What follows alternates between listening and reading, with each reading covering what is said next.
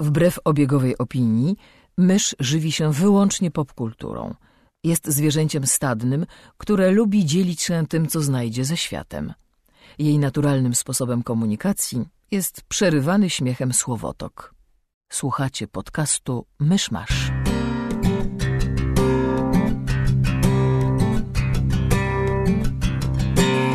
Gospodarzami podcastu Myszmasz są Krzysiek Sera, redaktor portalu Avalon.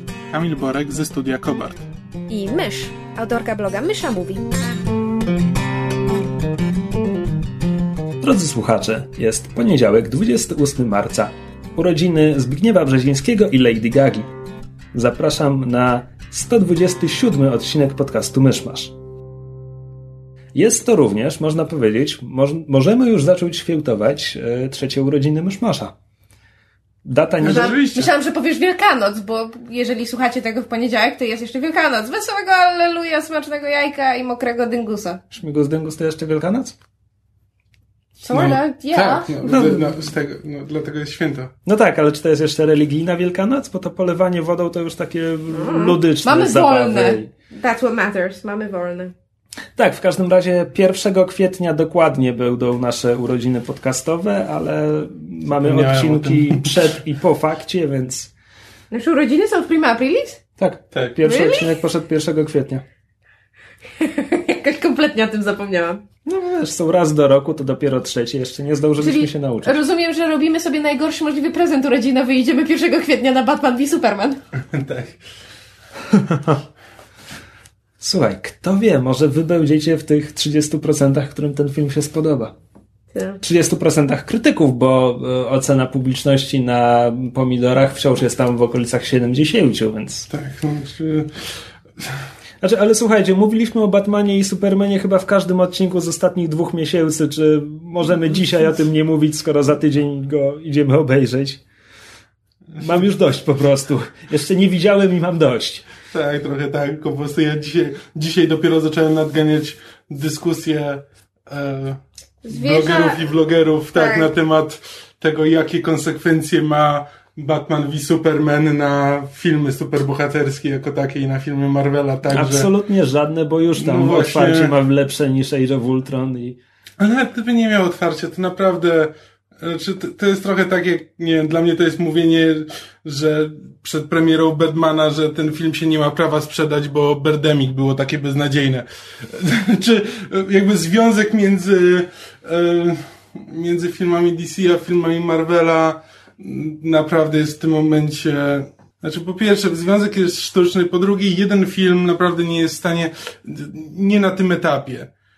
Czy wiesz, to gdyby to było tak, że to są pierwsze filmy super bohaterskie, tak jak to mieliśmy w, na początku, na początku tego tysiąclecia, kiedy to były jakieś tam pierwsze, to yy, podrygi i każda, każda klapa takiego filmu to jakby mogła zwiastować, że nikt więcej nie będzie chciał tworzyć filmów komiksowych, to byłbym w stanie w to uwierzyć, ale, na tym słowo, etapie... słowo klucz klapa. Znaczy, jeśli ktokolwiek sądzi, Tak. że Batman i Superman nie zarobią na siebie i to z dużym, dużym naddatkiem, no Ten, że no, nie Znaczy, dla wydaje mnie to jest to realne. efekt kuli śniegowej. Ta kula już została popchnięta i ona sobie leci. Marvel na pewno w tym momencie To jest- nie wyhamuje, a DC zawsze będzie próbowało im w jakiś sposób dorównać albo ich przegonić, więc będą Ja, powstawały. ja bym to trochę przyrównał do gier komputerowych, tych AAA, wiesz, jak są serie, które po prostu tak jak Assassin's Creed, że co roku musi być nowa część i tak dalej. Tak naprawdę to różne studia robią, więc to, że jedna gra zostanie skrytykowana, to nie ma znaczenia dla następnej, ale już tam jakby jeden tytuł do przodu, coś się zmienia, jakoś to reaguje, więc tak samo tutaj, nawet jeśli to jest naprawdę bardzo zły film i nawet jeśli studio zaakceptuje, że wypuściło naprawdę bardzo zły film, no to, że tak powiem, zmian w Justice League chyba już nie zobaczymy, bo zaraz zaczną to kręcić. Ale może tam za 3-4 lata jakoś się to odbije. Może gdyby, wiesz, może gdyby zmienili nagle reżysera, na przykład odstawili Snydera na pozycję producenta, zatrudnili jakiegoś nowego reżysera, jakby trochę wymienili ekipę, to, to i tak to będzie mniej więcej ten sam film, który sobie Snyder wymyślił, co najwyżej z paroma mrugnięciami okiem i tylko lekką korektą kursu, ale to na pewno nie będzie nic, e, nic nowego i Znowu, zupełnie nowa jakość. Absolutnie przede wszystkim wytwórnia musiałaby odczuć po kieszeni, że coś im nie wyszło. A nie odczuje, bo to się sprzeda. Ja mam takie głupie pytanie.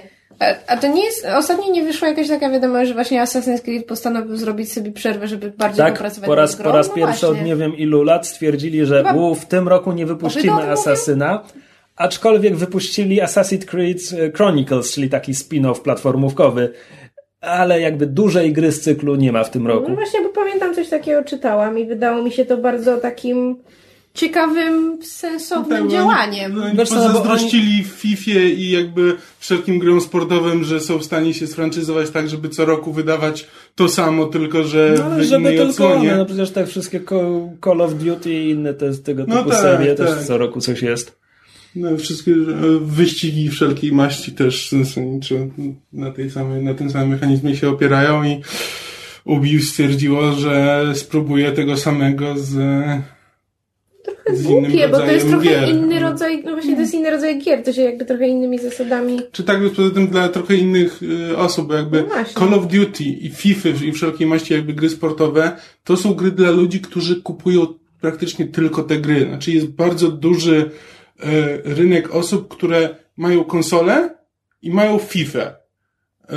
S- albo mają konsolę i Ale mają Call of Assassin, Duty. Assassin też celował w ludzi, którzy wiesz, raz do roku kupują sobie Asasyna i to jakby satysfakcjonuje ich potrzeby growe. Znaczy, ja podejrzewam, że, roku. znaczy, zakładam, że jest taki segment, e, pewnie nawet całkiem spory, ale nie wierzę, że, że może być tak duży jak w przypadku Call of Duty czy, e, no. Znaczy, ja może mówię z pozycji kompletnego laika, ale dla mnie jest zasadnicza różnica między grą e, powiedzmy sportową typu właśnie FIFA i grą ściganą typu tam, nie wiem, whatever, Need for Speed, nie wiem jakie są gry ścigane teraz, a asasynem, to znaczy jasne, każda gra ma swoją konkretną, nie wiem, mechanikę, jakieś pewne rzeczy, które, które musi mieć, ale jednak Assassin mam wrażenie na tyle dużo się opiera jakby na fabule i na tym, żeby były jakieś no, I'm, Znaczy, I'm talking out of my szczerze, ass. szczerze mówiąc, gry Ubisoftu w ogóle zaczynają się zlewać w taką masę, że jeśli coś się sprawdza w jednej grze, to natychmiast jest wprowadzane do wszystkich innych gier Ubisoft, znaczy wszystkich innych, w obrębie tego tam AAA i tak dalej. Czyli jeśli posterunki z Far Cry'a okazały się popularne, no to nagle Mhm. były w Assassinie i i tak dalej, i tak dalej. No, to przepraszam. Co to, co, co to jest teraz w Primalu? Sowa na podczerwień? Bo, bo jakoś trzeba wprowadzić tagowanie przeciwników do gry prehistorycznej? Nie, Jest psychiczna sowa na podczerwień. Nie interesowałem się. Zupełnie jak w. Straży Nocnej. Hmm. Czy mamy jakieś newsy? Powiedziałbym prawdziwe newsy w odróżnieniu od debatowania o filmie, którego nie widzieliśmy i polityce studia.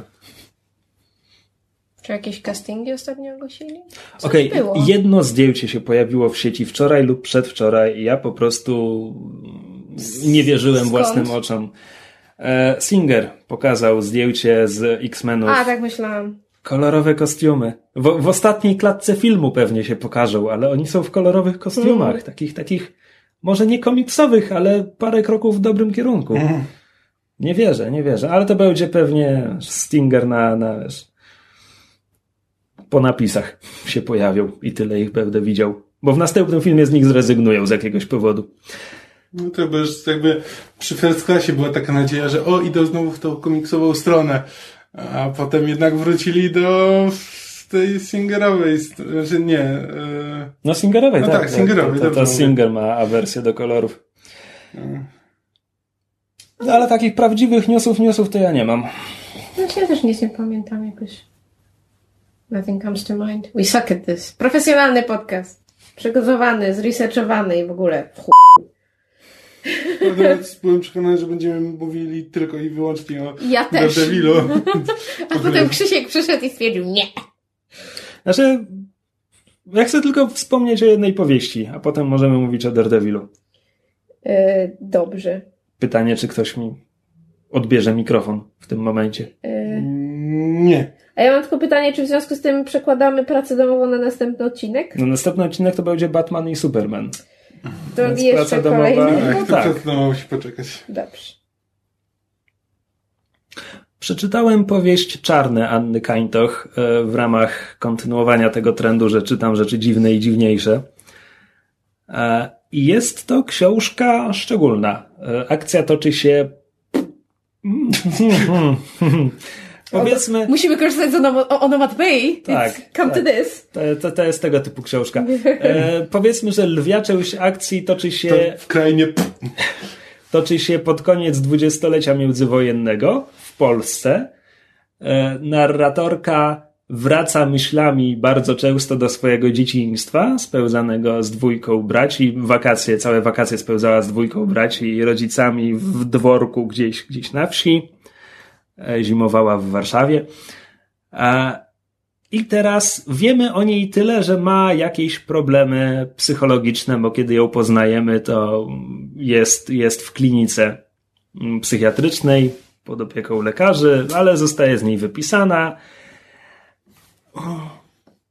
Wiemy, że, wiemy, że w dzieciństwie fascynowała się pewną, pewną postacią, aktorką teatralną e, Jadwigą Rathe i wiemy też, że była to fascynacja niemożliwa i że bohaterka w ogóle zauważa rzeczy niemożliwe. Niemożliwe w sensie, one nie powinny istnieć, bo na przykład aktorka Jadwiga Rathe bodajże zmarła, zanim bohaterka się na, narodziła, bo tak wynika z kroniki tam w, w gazecie, ale bohaterka doskonale ją pamięta z dzieciństwa.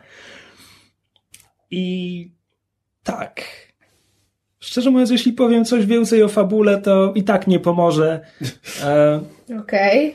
nie, bo to jest, to jest, przede wszystkim to jest książka, która skupia się na, ha, właśnie na, na wspominaniu, na porównywaniu wiesz, tego świata widzianego oczami dziecka i, i perspektywy dorosłej osoby. Mamy tę fascynację tą aktorką, to jest też fascynacja erotyczna. Um, mamy oczywiście pytania, czy te rzeczy niemożliwe, czy, czy one tam są naprawdę w tym świecie powieści, czy może to jest wszystko w głowie bohaterki, no bo było, nie było, poznaliśmy ją w klinice psychiatrycznej, E, a jeśli to jest naprawdę w świecie powieści, to co właściwie się dzieje? Czy, czy, to, jest, czy to jest magia, czy to są kosmici? No i w książce znajdziemy przesłanki. Znajdziemy dużo przesłanek. Można, można wiele też, e, że tak powiem, udowodnić na podstawie tego, co znajdziemy w książce. E, A autorka nie dopowiada. Autorka nie dopowiada bardzo, bardzo wielu rzeczy. Um, więc ja sobie, ja to przeczytałem i zakończyłem lekturę z pewnym wnioskiem. Teraz e, Wiedźma mi poleciła artykuł na, na katedrze, gdzie, gdzie autor właśnie wykłada taką długą analizę, czemu to jest science fiction i, i tak dalej. I przeczytałem to i stwierdzam, tak, można, można, widzę argumenty na poparcie tej tezy. Nie powiem, żeby była to jedyna możliwa i absolutnie prawidłowa. Autorka mówi, że to jest science fiction i tak, no jest, ale też można to różnie, różnie rozumieć, to science fiction. Um, jest znakomicie napisana. Znaczy jest bardzo obrazowym językiem, działa, działa na zmysły e, bardziej niż, niż wiesz, bardziej, bardziej czujesz tę książkę niż, niż ją, że tak powiem, e, czytasz. To trochę nie ma sensu. Ale nieważne. Mam nadzieję, że wiecie o co mi chodzi. E, I tak jak mówię, zamyka się w tych niedopowiedzeniach, trzeba tam uzupełniać. A przy tym czyta się błyskawicznie, bo to jest Powergraph to wydał. Nominalnie książka ma chyba 280 stron, ale marginesy są ogromne, czcionka jest całkiem spora. Jeszcze książka jest podzielona na 40 parę rozdziałików i często po rozdziałiku jest y, biała, biała kartka i dopiero potem zaczyna się następny rozdział, więc tam chyba na te 280 jeszcze ze 30 stron to, jest, to są białe No strony. tak. E, więc można to przeczytać po prostu w parę mgnień oka. Bardzo polecam. W ogóle, jak, jak mówiłem, że od polskiej fantastyki się odbijałem jak od ściany i właśnie Kańtoch i Dukaj to były pierwsze, pierwsze nazwiska, które mnie do siebie przekonały, no i uzupełniam dalej to, co Kańtoch napisała i zdania nie zmieniam. Aczkolwiek chyba ominę jej pierwsze powieści, bo słyszałem, że... Hmm. Okazało się, że napisała też coś o aniołach, 13 anioła. Ja tak sobie myślę, że przeczytałem kiedyś Siewce Wiatru Kosakowskiej i mi wystarczy polskich aniołów. I... No się nawet Świece Wiatru nie tak źle czytał. Ale czytałeś to w gimnazjum, prawda? Ale czytałem to w gimnazjum, tak. No, i nawet chciałem to powiedzieć, że trzeba wziąć poprawkę na to, że... E, że Młodość to jest- durna i chmurna. Tak, tak. Jakby to, był, to byłem zupełnie inny ja. E, Nie, nie ufasz temu szczylowi. oj nie, o nie, nie, nie, nie. Wiecie, jak go, jak go kiedyś spotkacie w wyniku jakiegoś paradoksu czasowego, to nie słuchajcie, co ma wam do powiedzenia, bo to na pewno nie będzie nic ciekawego. Daj się mu w mordę ode mnie. tak. Mm. To znaczy, ja tutaj troszeczkę zboczę z, z toru, ale a propos tego, co Kamil powiedział, um, byłam ostatnio w domu moich rodziców i mi się trochę nudziło i zaczęłam się przekopywać przez tam różne rzeczy, które tam po mnie zostały, których nie wzięłam ze sobą do nowego mieszkania. I słuchajcie, znalazłam swoje um, pamiętniki z okolic tak przełomu gimnazjum i liceum. See, that's the reaction I was going for. Po prostu... Znaczy, pomijam fakt, że zawsze przestawałam pisać mniej więcej w okolicy moich urodzin. To znaczy, jakby trzy miesiące, maksymalnie pięć byłam w stanie mniej więcej e, e, regularnie pisać. Czy, czy tam regularnie, na przykład, nie wiem, codziennie albo raz w tygodniu, czy coś takiego. Natomiast obraz dziewczyny, który się stamtąd wyłania, jest tragiczny. To znaczy, just, oh, wow. Jest to cały świat przeciwko mnie nikt mnie nie lubi, wszyscy są beznadziejnie głupi i nie wiedzą co robią i ja jestem najmądrzejsza. I po prostu mhm. miałam ochotę wrócić i potrząsnąć tą dziewczyną i po prostu, znaczy może nie nakłaść jej po ryju, ale close enough. I tak z jednej strony that's not how I remember myself, a z drugiej strony yeah, that's totally what happened. Tak, e, to że z okazji Wielkanocy życzymy wam duchowego odrodzenia. Tak. Żeby zawiązać to jakoś tematycznie ten odcinek. Słuchajcie, zanim przejdziemy do Daredevila, co go Netflix zrobił. Tak a propos młodzieńczej ale, traumy. Ale trzymając się Netflixa, Kamil, czy ty obejrzałeś House of Cards czwarty sezon? Nie, e, obejrzałem chyba 6, 7, 8 odcinków. No i, nie wiem, coś i, takiego. I jak ci się ta pierwsza podoba? E... Połowa podoba? Podoba połowa? Pierwsza połowa pierwszej połowy mi się nie podoba, druga połowa pierwszej połowy już mi się zaczęła podobać to tak bardzo, bardzo. Jak tam e... trochę, trochę odsunęli Franka na znaczy, pewien jak, czas. Jak wrócili do, e, do tego jakby z, od czego zaczęli. Znaczy, że tam jest taki jakby pierwsze trzy, cztery odcinki to jest jakby pożegnanie z trzecim sezonem i od czwartego odcinka jakby wracamy do tego Franka trochę bardziej, którego znamy z pierwszego sezonu. E, Ale ty... też, też wracamy trochę bardziej do Claire, którą znamy z poprzednich to sezonów. To też, znaczy w ogóle jakby ich związku, to jest już tam nie, nie, chcę, nie chcę wchodzić w spoilery, ale jakby wracamy do takiej normal, bardziej normalności w tym związku i do tego, co jakby czyni ten ich związek e, tak fascynujący, nawet jeśli nie, nie wiem, to dobrym tym, czy coś. Ale... Z tym się zgodzę, aczkolwiek muszę ci powiedzieć, że ta transformacja Claire od tej, że tak powiem, trzeciosezonowej do tej, która wraca po paru odcinkach, dla mnie jest kompletnie niewiarygodna. Tak, że jak dla mnie to jest tak zrąbane po prostu. Znaczy, tak, właśnie, znaczy, mówię, że to jest a, bardzo a... ogromna różnica, że jakby trzy, pierwsze trzy odcinki to jest dokładnie to, co mi się nie podobało w trzecim sezonie. To jest mhm. wszystko jest sceny, które mi się w trzecim sezonie nie podobały. Jakby trzeci sezon ma, ma trochę dobrego, jakby e, rosyjski prezydent jest świetny, jakby wszystkie wątki jakby z nim związane są, e, są bardzo fajne, ale jest tam dużo, e, dużo takiego jojczenia, zawodzenia, snucia się po ekranie, jakby, jakby wszyscy grali we francuskim filmie. I to, i to było dla mnie strasznie męczące.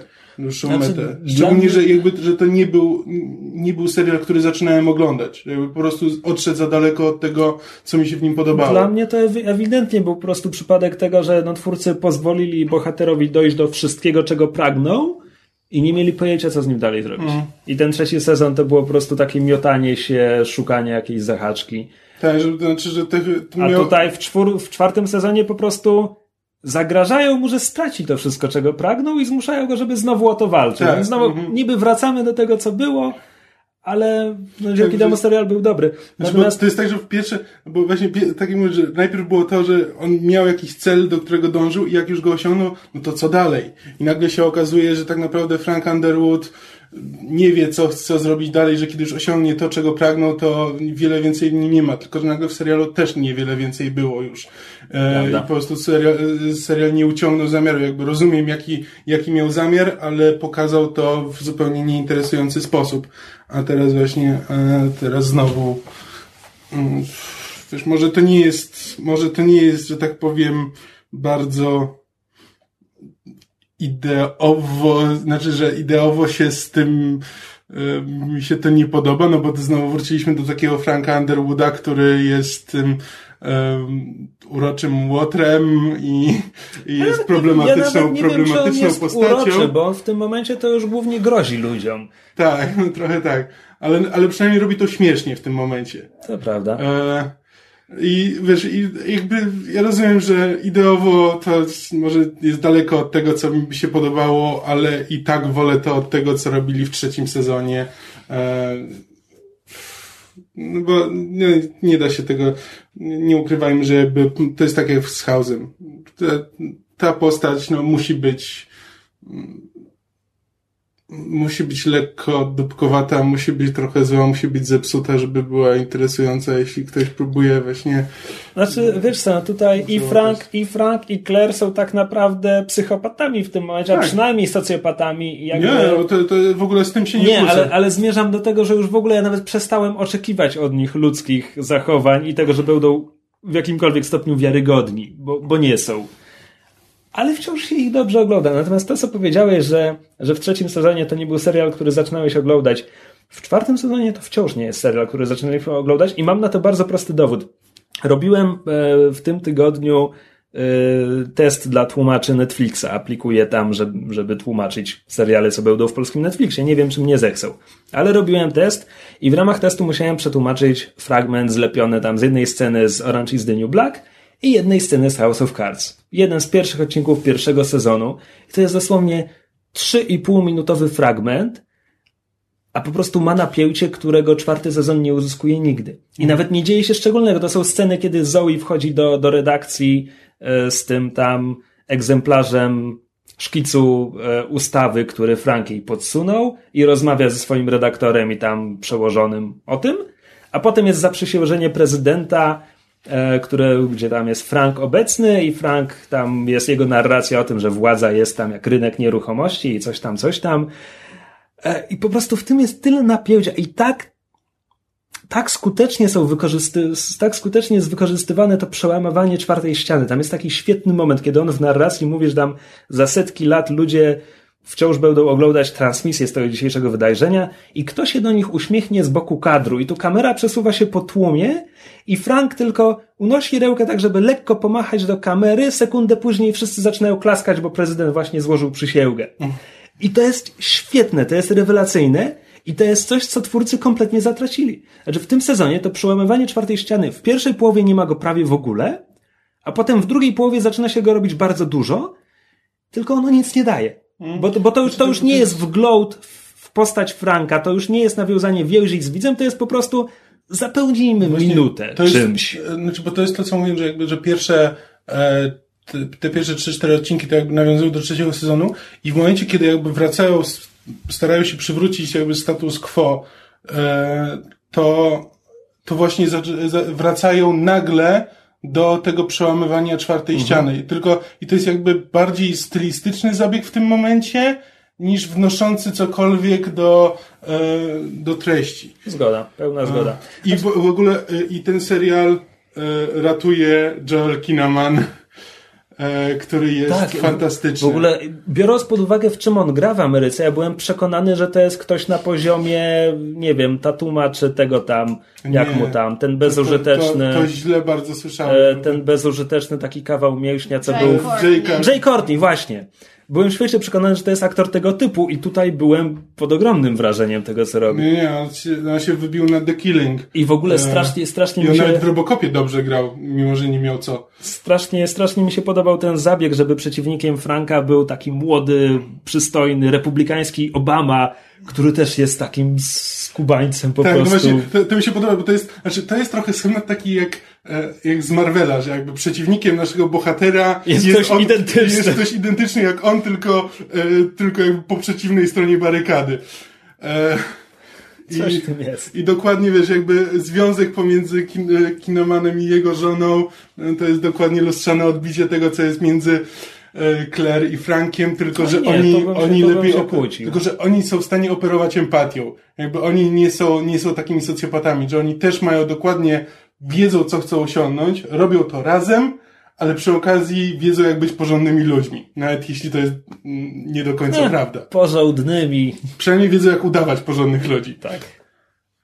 Dobra, no na pewno, na pewno jest lepiej niż było w poprzednim sezonie. Na pewno wciąż nie jest tak dobrze, jak było w pierwszych dwóch, ale jeśli w następnym będzie przynajmniej tak dobrze, to, to zostanę przy serialu. Na Znaczy tak, jakby jest, y, mam zamiar dokończyć, jakby Daredevil mi przerwał, potem się zająłem czym innym, ale na pewno dokończę ten sezon i jakby przywrócił mi trochę wiary, bo prawdę mówiąc zaczynałem go oglądać tylko i wyłącznie z poczucia obowiązku, a dokończę go już y, z pełną dozą przyjemności.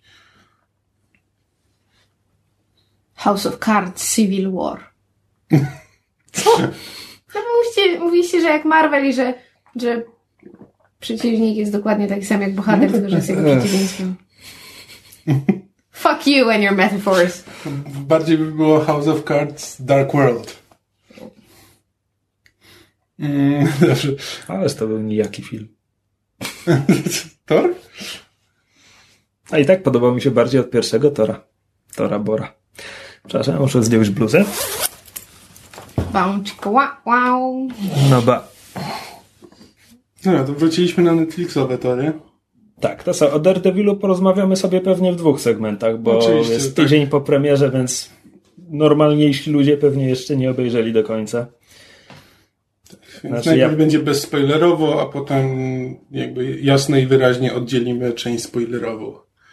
No, Znaczy ja patrzę po sobie, bo normalnie nie binguję seriali, tylko też ze dwa tygodnie bym oglądał takiego Daredevila, ale tutaj mnie ściągnęły binguje. na złą drogę. No, wy binżujecie, ja binguję, jeśli już muszę. To jest takie mniej intensywne binge'owanie. Mm, Tak.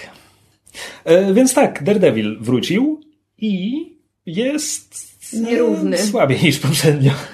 Jest nierówny. Jest wciąż dobrze, Jest bardzo dobrze miejscami. przede wszystkim. Znaczy, Znaczy, znaczy tak, nie jest, nie jest to taka rewelacja jakby jak pierwszy, no tylko, że jakby pierwszy miał tę przewagę, że był kompletną niespodzianką dla wszystkich.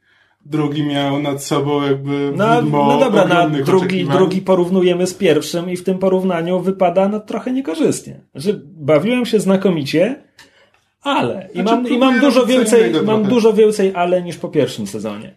No tak. E, ale też mogę dodać, że parę rzeczy mi się podobało bardziej. To znaczy, dużo konkretniejszą rolę znaleźli dla postaci pobocznych, dla, dla Karen i Fogiego. Są jakby dużo ciekawsi Mhm. niż w poprzednim sezonie i mają dużo więcej do roboty, przynajmniej Karen. Fogi, a, porównywalnie. Fogi jest sercem y, i rozsądkiem serialu. No tak, ale serce i rozsądek też mogłoby czasem coś zrobić na ekranie. No parę rzeczy zrobił. Parę Tylko on rzeczy... ma niewdzięczną rolę, no bo on jest tym głosem, który mówi Mattowi Matt, don't do the thing, a Matt robi I'm gonna do the thing! No i jakby taka jest głównie rola Tak. Fogiego. E, To, co drugi sezon robi inaczej, to jest e, tempo i rozplanowanie historii, bo tak jak pierwszy sezon Daredevila, czy pół roku temu Jessica Jones przez cały sezon opowiadały jedną historię, tak tutaj można wyraźnie wskazać, że pierwsze 3-4 odcinki to jest tak naprawdę zamknięta historia, z otwartym zakończeniem, bo potem jest kontynuowana, ale w zupełnie inny sposób ten wątek się dalej ciągnie. Zresztą jak ta pierwsza zostaje zakończona, to jakby ten wątek schodzi trochę na dalsze tło, pojawia się nowa postać, nowy wątek ze sobą i teraz przez Tak. parę, przez Takie parę odcinków ona jest na pierwszym Taki, planie. taki cały sezon jest podzielony na takie trzy akty, że najpierw Tak. mamy ten pierwszy wątek, potem wprowadzamy drugi wątek i w trzecim akcie zawiązujemy te oba, te, te dwa wątki w taki... No nie do takie końca. One, one się w trzecim akcie bardzo obok toczą. I to jest, to jest akurat coś, co trochę jest dla mnie przeszkodą. Znaczy, przeszkodą. Po prostu jeden z nich jest dużo lepszy, a tak się złożyło, że Daredevil jest w tym drugim, więc tytułowy główny bohater nagle jest w tym mniej ciekawym wątku. Dobrze. E, znaczy, i tak, no, główny pomysł na ten, na ten sezon to chyba był taki, że jak w pierwszym sezonie to najważniejszy był, najważniejsza była relacja Daredevila ze swoim przeciwnikiem Kingpin, jakby był równoprawnym bohaterem z, z naszym głównym bohaterem, to tutaj stwierdzili, że trochę tych złych zepchną na dalszy plan, e, a tymi bohaterami na miarę Kingpina to będzie Punisher i Elektra, czyli tacy frenemis e, Znaczy no, Mata. Frenemis, a jednocześnie tam jest cała ta dyskusja, czy to, że Matt wychodzi e, wieczorem na miasto i bije różnych ludzi, czy to załatwia problem, czy może nie powinien ich jednak zabijać, tak jak robią to Punisher i Elektra. Tylko, że to jest głupia dyskusja, bo przecież wiemy, że nie, nie powinien. Ale Matowi zajmie to 13 odcinków, zanim do tego dojdzie. A serial jakby nam tego nie ułatwia, biorąc pod uwagę, że co jak co, ale Punisher jest fantastycznie w serialu zrobiony i są momenty, kiedy mimo, ja, znaczy, inaczej, ja musiałam bardzo mocno jakby świadomie rozdzielać sympatię dla postaci i tego, jak ją John, on jest Ber- Bernthal? Bernthal. Bernthal, Bern- e, Bernthal. gra. Bernthal. Słynny Shane, słynny Shane z The Walking Dead, którego tam nie cierpiałam. Jakby dla mnie wyznacznikiem tego, jak on jest fantastycznym aktorem, jest to, że on potrafił sprawić, że Punishera, który też jest skończonym z***em, autentycznie polubiłam. Ale Zobacz, Fury był dobry. Ale w Fury tam, wiesz, było niby takie bardziej ensemble cast i jakoś tak mi się w tle tam zniknął. Natomiast Wszyscy musiałam... w tym ensemble kaście byli dobrzy, Ale nawet nie, Szyja. ja, ja jakby, ja nie, nie przeczę, natomiast Furia to nie jest... y, To nie był dobry film, Tak, ale, to nie jest ale był film, dobrze o, którym będę, o którym będę wspominać, natomiast musiałam świadomie rozdzielać to, że to jest, tak, to jest to, co Tumblr nazywa problematic fave, to znaczy to, że go lubię, nie znaczy, że pochwalam jego działania i tu jest jakby dokładnie to samo. Musiałam sobie świadomie, tym bardziej, że jakby Matt w tym sezonie jest po prostu daredebilem, to znaczy ja nadal utrzymuję, że 2M w jego imieniu i nazwisku to jest massive moron i zdanie nie zmienię i po prostu fakt, że on jest po tej jakby nazwijmy to umownie słusznej stronie dyskursu pod tytułem czy należy tych bad guyów zabijać czy nie, a, a, a ja go aktywnie nie cierpię w tym sezonie, za to aktywnie kibicuję Punisherowi, mimo że uważam, że działa niemoralnie. Znaczy, podoba mi się, jak to zostało... To też jest trochę sprytnie Skonstruowane. skonstruowane, nie wiem czy świadomie, ale trochę jest tak, że kiedy już zaczynam tak sobie myśleć, że kiedy znaczy zaczyna się pojawiać taka myśl, że a może, a może ten Punisher ma rację, e, to pojawia się Elektra i dochodzisz do wniosku, że e, nie, jednak nie, już Tak. widzę, widzę o co w tym chodzi. Tak. Nie, Punisher to jest po prostu kreacja na... Jak Kingpin w pierwszym sezonie. Mm. Jakby obsadzony świetnie, zagrany świetnie, napisany co najmniej bardzo dobrze. Mm. E, pod tym względem jest super. Kiedy Punisher jest na ekranie, to jest świetny serial. I bardzo, i przepraszam, że cię jeszcze w ten wtrącę, ale bardzo mi się podoba, że jakby że obecność Punishera nie ogranicza się tylko do jego tam frenemy w związku z matem, to znaczy, że on wchodzi w interakcję z innymi postaciami.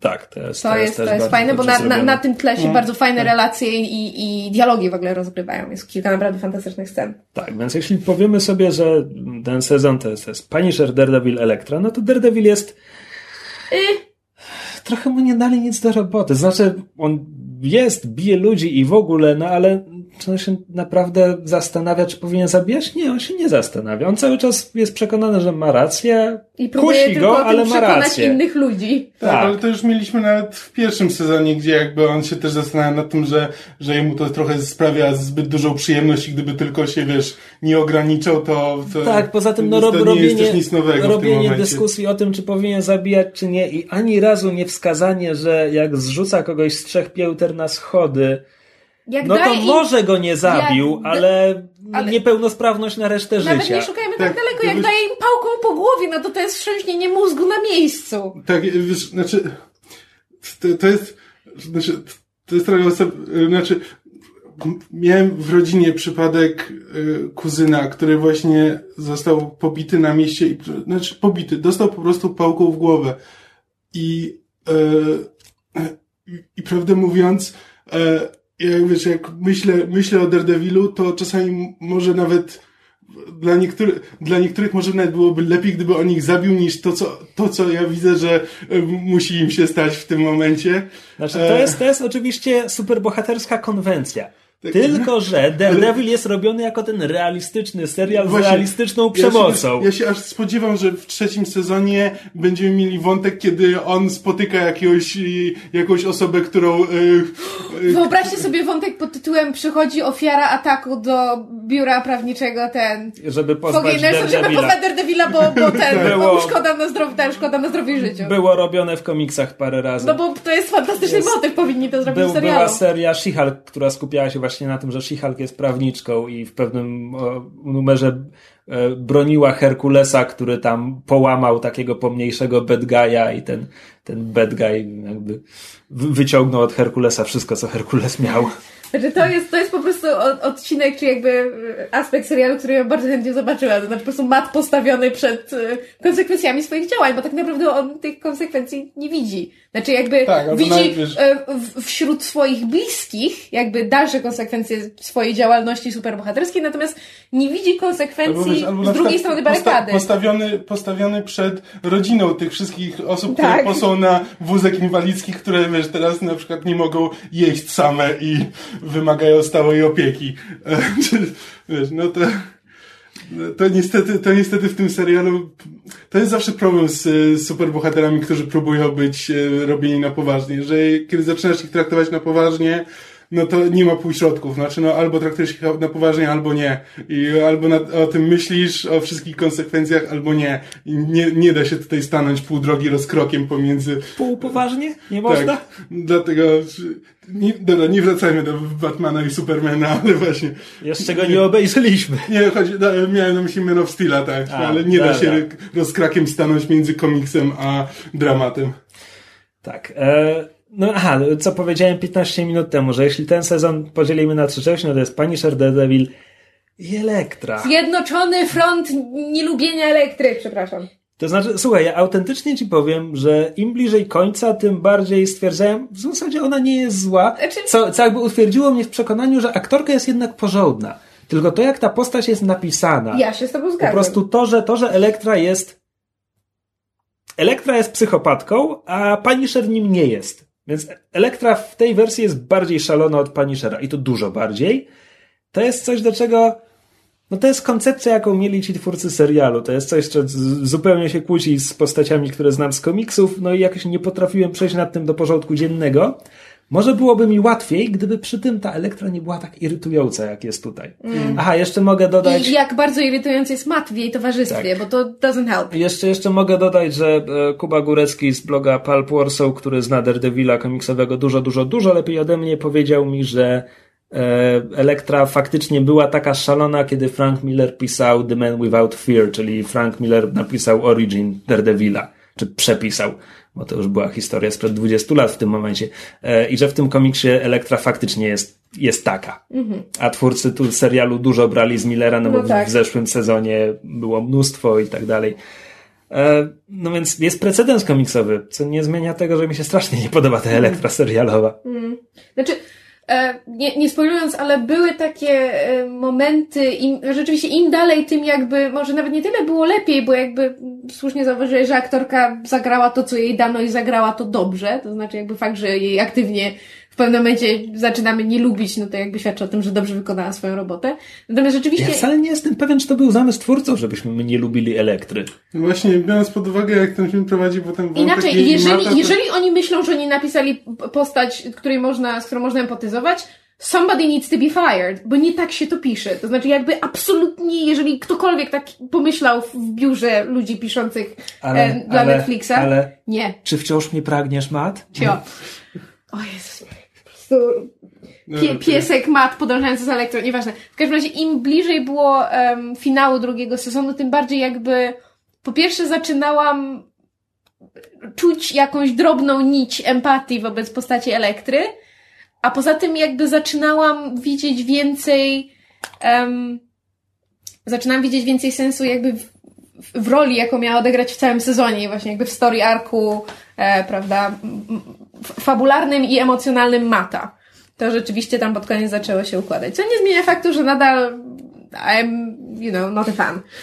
Tak, no i jeszcze bezspoilerowo możemy pewnie powiedzieć, że o ile ten pierwszy sezon to było właśnie takie prawo ulicy, rzeczywista przemoc i tak dalej, i tam tylko delikatnie zasugerowano, że może jakiś mistycyzm, coś, tak w tym sezonie kiedy mamy pani... Arrow. To się zmienia w Arrowa w którymś momencie. Tylko trochę lepszego, ale... Kiedy, kiedy mamy Punishera na ekranie, no to on jest to prawo ulicy i tak dalej. Natomiast kiedy potem przychodzi Elektra, to za nią się ciągną te mistyczne wątki sugerowane w pierwszym sezonie. No i w pewnym momencie wychodzą na pierwszy plan, no bo jak mówiliśmy, tak ten sezon wygląda, że kończy się No tam historia i zaczyna się podprowadza kolejna. to pod kolejne, pod, pod Luka Cage'a, pod, e, Przede wszystkim pod Iron mm, Fistem. pod Iron problem, Fista i pod problem w Defenders. tym, że ten mistycyzm, znaczy, ja wiem, że on jest wprost z komiksów. Ja wiem, że w komiksach Daredevil po prostu bije się z ninja w każdy piątek. Magicznymi Ustawka. ninja. E, natomiast w serialu to się tak gryzie. To znaczy, Mm. to nie pasuje jedno do drugiego. No bo słusz, słusznie mówisz, jakby kiedy tam wpadają ninjasy, to to są ninjasy Zaroła i mają mniej więcej tyle samo sensu. Tak. Zwłaszcza, że z jakiegoś powodu twórcy postanowili wprowadzić wątki mistyczne. Nie wiem, chyba, chyba sobie powiedzieli show don't tell, show don't tell, więc pokazują nam rzeczy i nic nie wyjaśniają. Absolutnie nic. I po prostu, ale to nawet nie jest, że zastanawiaj się widzu, bo trzeba mieć jakieś przesłanki, żeby się zastanawiać. A jak ktoś mi pokazuje, że tak powiem, taką dziurę fabularną albo i nie, i potem nie ma o niej wzmianki w ogóle. Ale to jest chyba moja ulubiona rzecz, którą powiedziałeś w tym odcinku. E, Ci, co widzieli, to wiedzą. You had to be there. Ojej. No i wychodzi, wychodzi taki dziwny miszmasz w tym sezonie. Są świetne zdaniem momenty. to by, to by wszystko lepiej wyszło, gdyby jakby te seriale Netflixa były tak zorganizowane, że mamy e, na przykład, że mamy sezon Daredevila, potem Jessica Jones, Luke Cage, Iron Fist, zataczamy koło znowu do Daredevila. No taki to był- wtedy Taki był oryginalny plan, tylko potem jak im się dobrze sprzedały te seriale, to stwierdzili, okej, drugi I sezon. teraz drugi nagle Sezon. w Jessica Jones w ogóle nie było tego mistycyzmu. E, I nagle mamy Daredevila, w którym jest podkręcony do 11. I to nagle wychodzi jak Filip z Konopi i nie wiadomo co, jak to odebrać, co z Znaczy- tym zrobić. Jest cień szansy, że może ktoś w Marvelu na wysokim szczeblu, wiesz, że to jest ustawione i że teraz obejrzeliśmy Daredevila, a za parę miesięcy obejrzymy Doktora Strange'a i że coś z tego wyjdzie. Wątpię w to, bardzo w to wątpię, głównie dlatego, że seriale Znaczy, MCU by- nie mają wpływu na No MCU. właśnie, bo, bo ja w tym momencie nie wiem, bo jakby e, seriale Netflixa są gdzieś pomiędzy, bo wiemy, że jakby twórcy agentów tarczy i twórcy Filmów filmów, się, się nie nienawidzą. lubią. tak, e, i e, podkładają sobie Really? I had no tak, idea. tak, tam jest Nie, jakieś... Dlatego, dlatego te światy się w ogóle ze sobą nie chcą łączyć, jakby trzeba wywijać jakieś fikołki, Tak, żeby połączyć ag- wydarzenia agen- z agentów. agenci tarczy, gdzie tutaj tych inhumanów jest już od cholery, to tak bardzo nie ma, nie ma związku z serialami Netflixa. Tak, nie, nie ma związku. Tak, i właśnie nie wiem, gdzie w tym wszystkim są seriale Netflixa, czy kto za nie odpowiada. Mich- Michel czy, są, Michel- są bliżej MCU, czy są bliżej y, telewizji? Znaczy, Yy, telewizji. seriale Netflixa wydaje mi się, że są bliżej filmu, Właśnie też mi się tak ale wydaje. może, może opieram się tylko na tych powtarzanych plotkach, że tam może ktoś z seriali pojawi się w końcu w filmie. Natomiast Michel zauważył, że e, gang motocyklowy z tego sezonu Daredevila pojawił się w jednym odcinku Agentów Tarczy w poprzednim sezonie. No tak, tak, widziałem. Więc wow, to jest ten sam świat jednak. Kto by pomyślał? A w pierwszym sezonie mieliśmy wzmiankę o y, w- kosmitach spadających te, na Nowy Jork z nieba, więc mamy, mamy łańcuszek pomiędzy telewizją a kinem. I to nawet przy tych dwóch wzmiankach to jest większy łańcuszek niż w ogóle agenci tarczy są łańcuszkiem w tym. No dobra. No, Aha, bo jeszcze powiedziałeś, że, że pomysł był, że w poprzednim sezonie to był Daredevil i Kingpin, a tutaj ci antagoniści są na dalszym planie i sk- skupiamy się na Daredevilu i Elektrze i panie że wszystko prawda, ale o Jezu, jak strasznie brakuje takiego No. Kingpina po drugiej stronie. Nie, znaczy, strasznie. antagoniści w tym sezonie są tak nijacy. Tak, oni wyciągają, wyciągają jakby starych, starych złych z kapelusza. Chyba tylko po to, żeby jakby nie musieć wprowadzać nowych i nie marnować czasu na jakby na e, No tak, no bo już i tak mają. Punishera i Elektrę, to są tak prostu naprawdę... Zobacz, mają, mają tylko 13 odcinków, a dodają jakby dwie nowe postacie, które są w zasadzie na równi bohaterami z Daredevilem i ich originy i tak dalej. tak. Mieli dużo materiału, więc potrafię to zrozumieć, ale brakuje Kingpina. Mm, zdecydowanie. Nawet nie dosłownie, że brakuje Kingpina, brakuje przeciwnika na jego miarę. To ja, jeżeli jeszcze mogę się dołączyć do narzekań, to Wciąż bez spoilerowych? tak, oczywiście. E, tak jakby e, zgadzam się z tym, że, że pod względem przeciwników, czy właśnie tego, jak, jaką rolę odgrywają sezon pierwszy jest, jest lepszy niż drugi. Znaczy, no bo tam po prostu Kingpin był ważny. Tutaj nie ma ważnego przeciwnika. Tak, no tutaj ważny jest. Matt i jego dylematy, natomiast e, w związku z tym i w związku co, co, co wspominałam, że Fogi jakby odgrywa rolę, prawda, sumienia Mata i to, co wspominałam, że chętnie bym zobaczyła odcinek, gdzie Matt musi, prawda, w sądzie zmierzyć się z konsekwencjami swoich działań. Ja praktycznie, Krzy- Krzysiek wie, no bo oglądaliśmy wspólnie w blogerskim towarzystwie cały, cały sezon, drugi sezon Daredevila. Ja praktycznie co odcinek mówiłam, że że to nie jest serial, który ja chcę oglądać. To znaczy jakby jedna rzecz, którą mi, y, o, którą mi oglądanie tego drugiego sezonu uświadomiło, w towarzystwie właśnie ba, ba, bardziej na takiej em, nie, nie, nie samemu przed laptopem na zasadzie ojej, nowy serial muszę obejrzeć, prawda, hype, ojej, dostaliśmy serial, prawda, Marvela od Netflixa, musimy obejrzeć, to na pewno będzie fantastyczne. To w takim luźnym towarzystwie, gdzie się przerzucamy komentarzami, komen- komentarzami, prawda, jakieś uwagi na bieżąco, w takiej luźniejszej atmosferze, zdałam sobie sprawę z tego, że mnie się tak naprawdę pierwszy sezon Daredevila wcale tak bardzo nie podobał. To znaczy, po, Jak, tym, jak możesz? po tym jak, Wyjdź. po tym jak, Nie, po tym, wyjdź. you guys. Po tym jak opadł hype, to jakby, zwłaszcza teraz porównując z drugim sezonem, że może, może to była kwestia tego takiego trochę rozmienienia się na drobne z, z większą ilością No ale Kingpinek, i Kingpinek. Ja, ja, Ale ja mógłbym cicho, 13 daj mi- odcinków patrzeć, jak Kingpinek patrzy na ścianę. myśl na miłość boską, no. Że może to jest kwestia rozmieniania się na drobne z większą ilością bad guy, którzy jakby odgrywają mniej ważną rolę niż Kingpin. Może to jest kwestia zwiększenia tych, znaczy podkręcenia tych wątków mistycznych. Może to jest kwestia tego, że za dużo czasu spędzamy nad moralnymi dylematami Mata, które tak naprawdę do niczego nie prowadzą. Ale tak naprawdę ja bym chciała, żeby ten serial zawierał o wiele więcej scen prawniczych, czyli jakby tego, co teoretycznie oni powinni robić. Znaczy, to jest akurat coś, czego w poprzednim sezonie bardzo brakowało. Mm. Tak, i może, może dlatego mnie to uderzyło jeszcze bardziej, zwłaszcza, że te sceny, które były związane z, Mhm. e, z, rozwo- z tym, jak się rozwija pierwszy akt em, drugiego sezonu, były bardzo dobre i rzeczywiście trzymały w napięciu mnie przynajmniej o wiele bardziej niż, e, prawda, cała jadka, która ma miejsce potem i, i całe jakby zwiększanie tej tempa akcji i, i, i w mniemaniu twórców napięcia. Dla mnie właśnie te sceny jakby, em, nazwijmy to prawnicze i związane z, z tym, że Matt i Fogi prowadzą firmę prawniczą, były o wiele istotniejsze, zarówno fabularnie, jak i z punktu widzenia ich relacji, która też odgrywa w tym sezonie dość znaczącą rolę. I w ogóle ich całej, znaczy relacji całej trójki włącznie z Karen. I jakoś tak, em, znaczy śmiesznie mi się narzeka, że serial o prawnikach ma ten not enough lawyering. Mm. Ale taki, taki jest jeden z moich zarzutów. No, bo to jest serial o superbohaterze. Prawnicy Ja wiem, tam. ale jakoś, znaczy, nie wierzę, że to mówię, ale mam wrażenie, że filmowy Daredevil miał więcej scen prawniczenia niż serial. I ja wiem, że to jest nieprawda, bo tam były może jedna albo dwie na samym początku. Ale jakoś one bardziej zapadają w pamięć, jakoś to... Naprawdę? Tak, ja bardzo dobrze pamiętam te sceny z, z początku Daredevila Ja też filmowego. pamiętam, nie mówię, że chcę wspominać. Mi się podobało, jak to było rozegrane, jakoś to było, nie wiem. Może to jest kwestia tego, że ja teraz nie oglądam żadnego serialu stricte prawniczego i może mam po prostu jakieś braki w em, ramówce. No, no, wiesz, no, jednak no, to jest serial o superbohaterach, no i Ale dla mnie to jest wymówka, no. No, no wiesz, no, w Iron Manie nie oglądamy długich scen na, e, negocja- negocjacji, e, w- handlu bronią.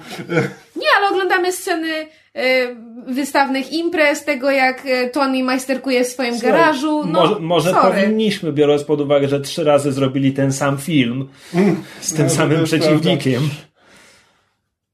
Dobra. mo- Może gdyby Tony trochę dłużej siedział nad kontraktami, to nie miałby takich problemów, a? Czy przechodzimy do części spoilerowej? Myślę, że możemy. Może, znaczy bezspoilerowo jeszcze możemy powiedzieć, A, że jakby opinia. narzekamy, ale podobał nam się. Nie no? Znaczy, bardzo przyjemnie spędzony weekend, y, miłe wrażenia, na pewno będzie o czym rozmawiać tak, no, jeszcze jeśli przez ktoś oglądał Daredevila, to zdecydowanie powinien obejrzeć drugi sezon. Wciąż jest lepiej niż w większości filmów z MCU. Dokładnie. Nawet jeśli ktoś nie oglądał Daredevila, oglądał Jessica Jones. E, znaczy to, znaczy no, to nadal powinien zacząć oglądać od pierwszego sezonu, bo jednak nie, trudno by było wskoczyć w drugi sezon nie znając pierwszego. Tak, Tak, trochę, trochę za chyba- dużo się wydarzyło. Ale chyba warto nadmienić, że jeżeli komuś się nie podobał pierwszy sezon Daredevila i się od niego odbił, to drugi nie naprawi sytuacji. To znaczy ja mam takie zdanie.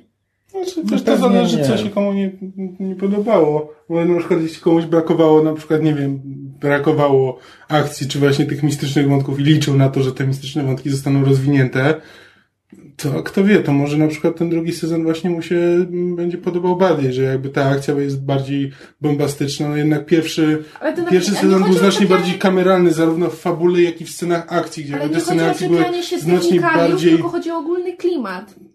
Nie no, ja rozumiem, nie, tylko że właśnie mówię, że to było takie, że jakby te sceny walki były świetnie e, wyreżyserowane. To są technikalia, to nie jest kwestia klimatu. A nie no, to jest część tego, to jest jakby i to bardzo ważna część, jakby e, to, jest to, o czym mówię. Pierwszy sezon był kameralny. Pierwszy sezon był jakby takim typowym street levelem. E, Dla mnie to jest absolutnie nieistotna część całego serialu, to znaczy dla mnie jest w ogóle kompletnie... Jeśli mówimy o klimacie, to kameralność. Nie no, klimat to są postacie, rozterki, jakie przeżywają. Dobra, bo zaraz o globalnym ociepleniu będziemy mówić. Chciałby. Nie, to ma znaczenie, no, nie mamy takich konfliktów jak właśnie w filmach Marvela, tylko konflikty są mniejsze, jakby to znacznie wpływa na odbiór.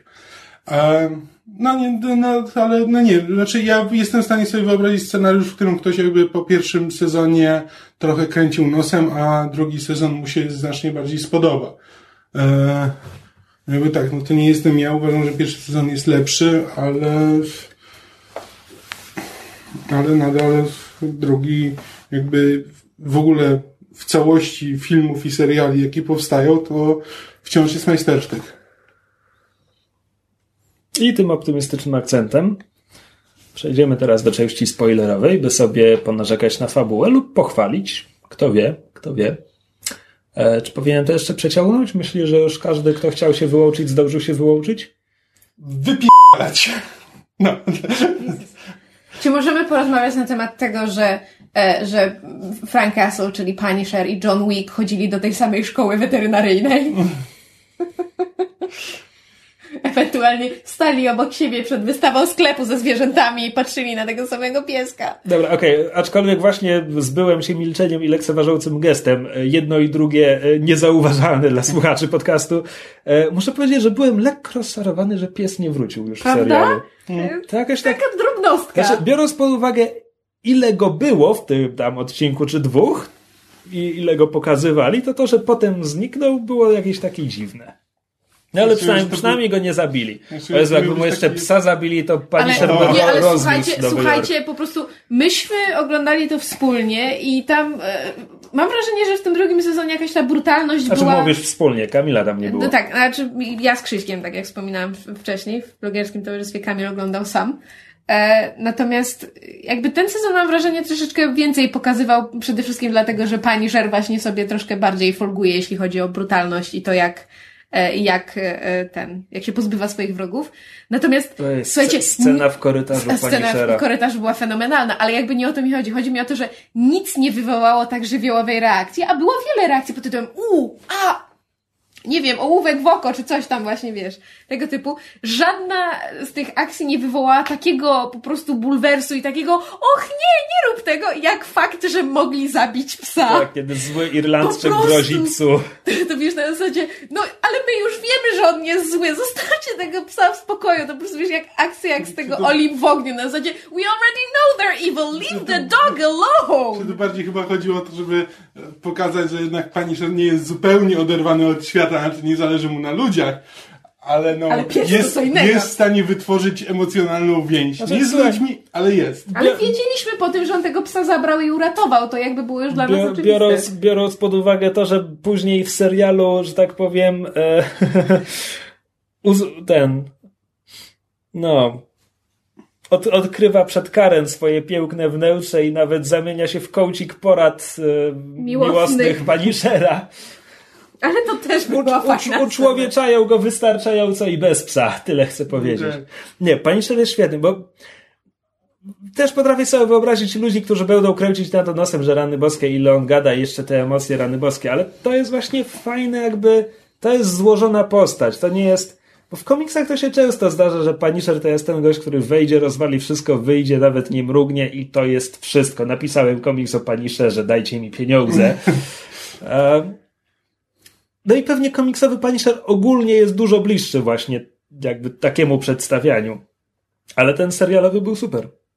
Ale to też jest fajnie dowiedziałem, ktoś chyba na forum Avalonu pisał, że, że Berntal to świetnie zrobił, że to jest taka autentycznie cała kreacja, że to nie jest tylko, że wiesz, że on, że on wypowiada swoje dialogi z odpowiednim natężeniem, ale to jest po prostu to, jak, jak on chodzi, jaką ma sylwetkę, jakieś różne tiki czy, czy, czy zachowania. Tak, że on taki wcale się, się wydaje takim dosyć prostym człowiekiem, taki, No, taki prosty żołnierz, prostu żołnierz, który nie, nie jest jakoś szczególnie inteligentny, jakiś Ale nie jest też szczególnie głupi. Ale tak, że po prostu, ale, ta, ale to jest taki bardziej e, zdrowy chłopski rozum, znaczy, że, że, jest tak, e, że to nie jest jakiś człowiek z, e, szczególnie wykształcony, ale to wszystko jakby się oddaje i to i ma wpływ na postać i widać to i jakby jesteś w stanie się domyślić, kim ten Punisher jest właśnie tylko patrząc na sposób, w jaki mówi, sposób, w jaki się porusza e, i tak dalej. A ja tak jeszcze z ten technicznej rzeczy chciałam bardzo pochwalić e, e, charakteryza- charakteryzatorów, bo to, co na mnie wywierało ogromny efekt jakby w Jak kreacji go obili w więzieniu. w, w ogóle jak on po prostu, że, bo, bo Matt na przykład czasami ma gdzieś jakieś sinie, gdzieś rozcięcie, jakąś bliznę, ale tak poza tym to jest nadal, prawda, śliczny i sympatyczny Charlie Cox o oczach spaniela. Natomiast John Bernthal dał się tak po prostu zmaltretować tym e, charakteryzatorom i jest to fenomenalne. Znaczy, to jest część tworzenia postaci dla mnie i naprawdę fantastycznie to wyglądało.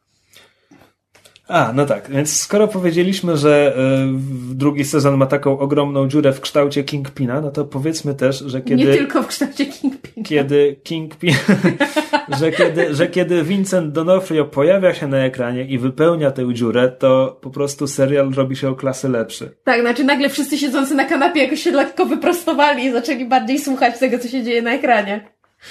Czy jakby, jakby nagle, nagle wtedy serial trochę nabrał jakieś, czy zaczęliśmy mieć wrażenie, że może to coś do czegoś dąży, bo tekst to jest taki, że różne rzeczy się dzieją, ale dopiero jak się pojawia Kingpin, no to zaczynasz mieć wrażenie, że ktoś ma jakiś Ale plan, nabiera że coś się... Ale, ale też takiego- dlatego, że to się dzieje już tam da, głęboko w drugiej połowie serialu, kiedy w głównym wątku sezonu, kiedy w głównym no, wątku królują te nudne ninjasy. I tu nagle wypływa Kingpin i to jest serial, który chcę oglądać. Te ninjasy niekoniecznie.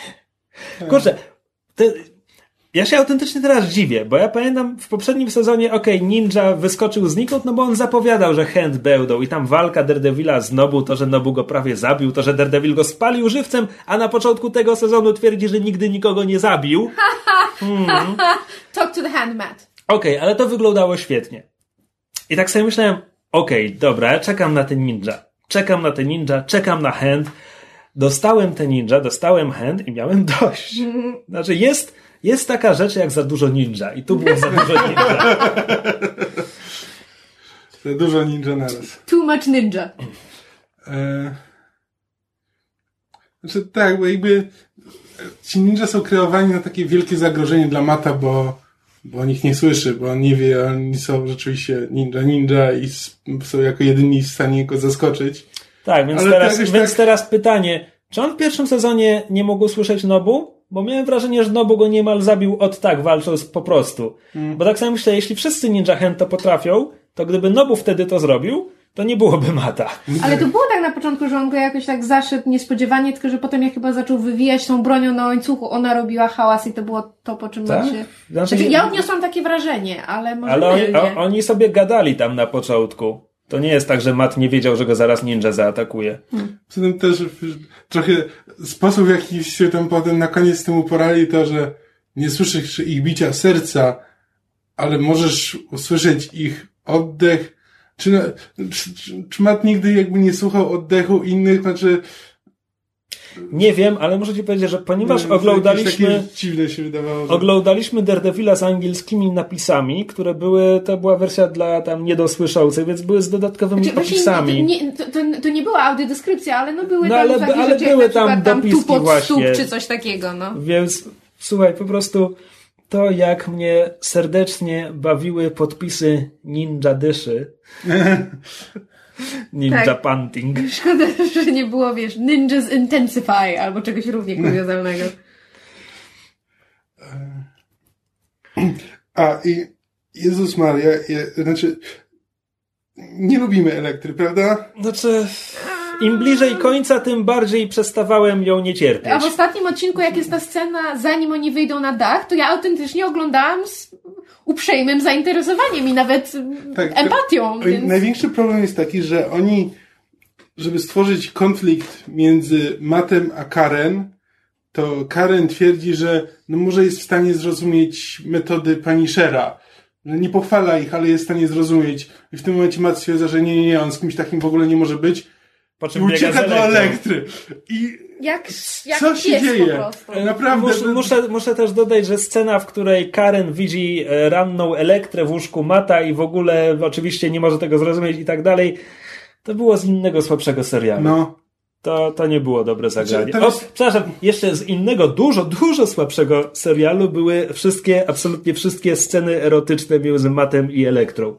To jak, on, to jak kamera ją pokazuje wtedy, te najazdy Wie- na u, usta, to, to jak się przeciąga Ale- po jej ale- karku, to był jakiś nie Co było, to było? to nie było jedyne, bo nie wiem, czy pamiętasz scenę, kiedy Matt i Karen się całują w deszczu. To też było nakręcone w taki sposób i ja nie wiem, co im odbiło, że tak to zaczęli kręcić. Bo praktycznie wszystkie sceny erotyczne tak wyglądały.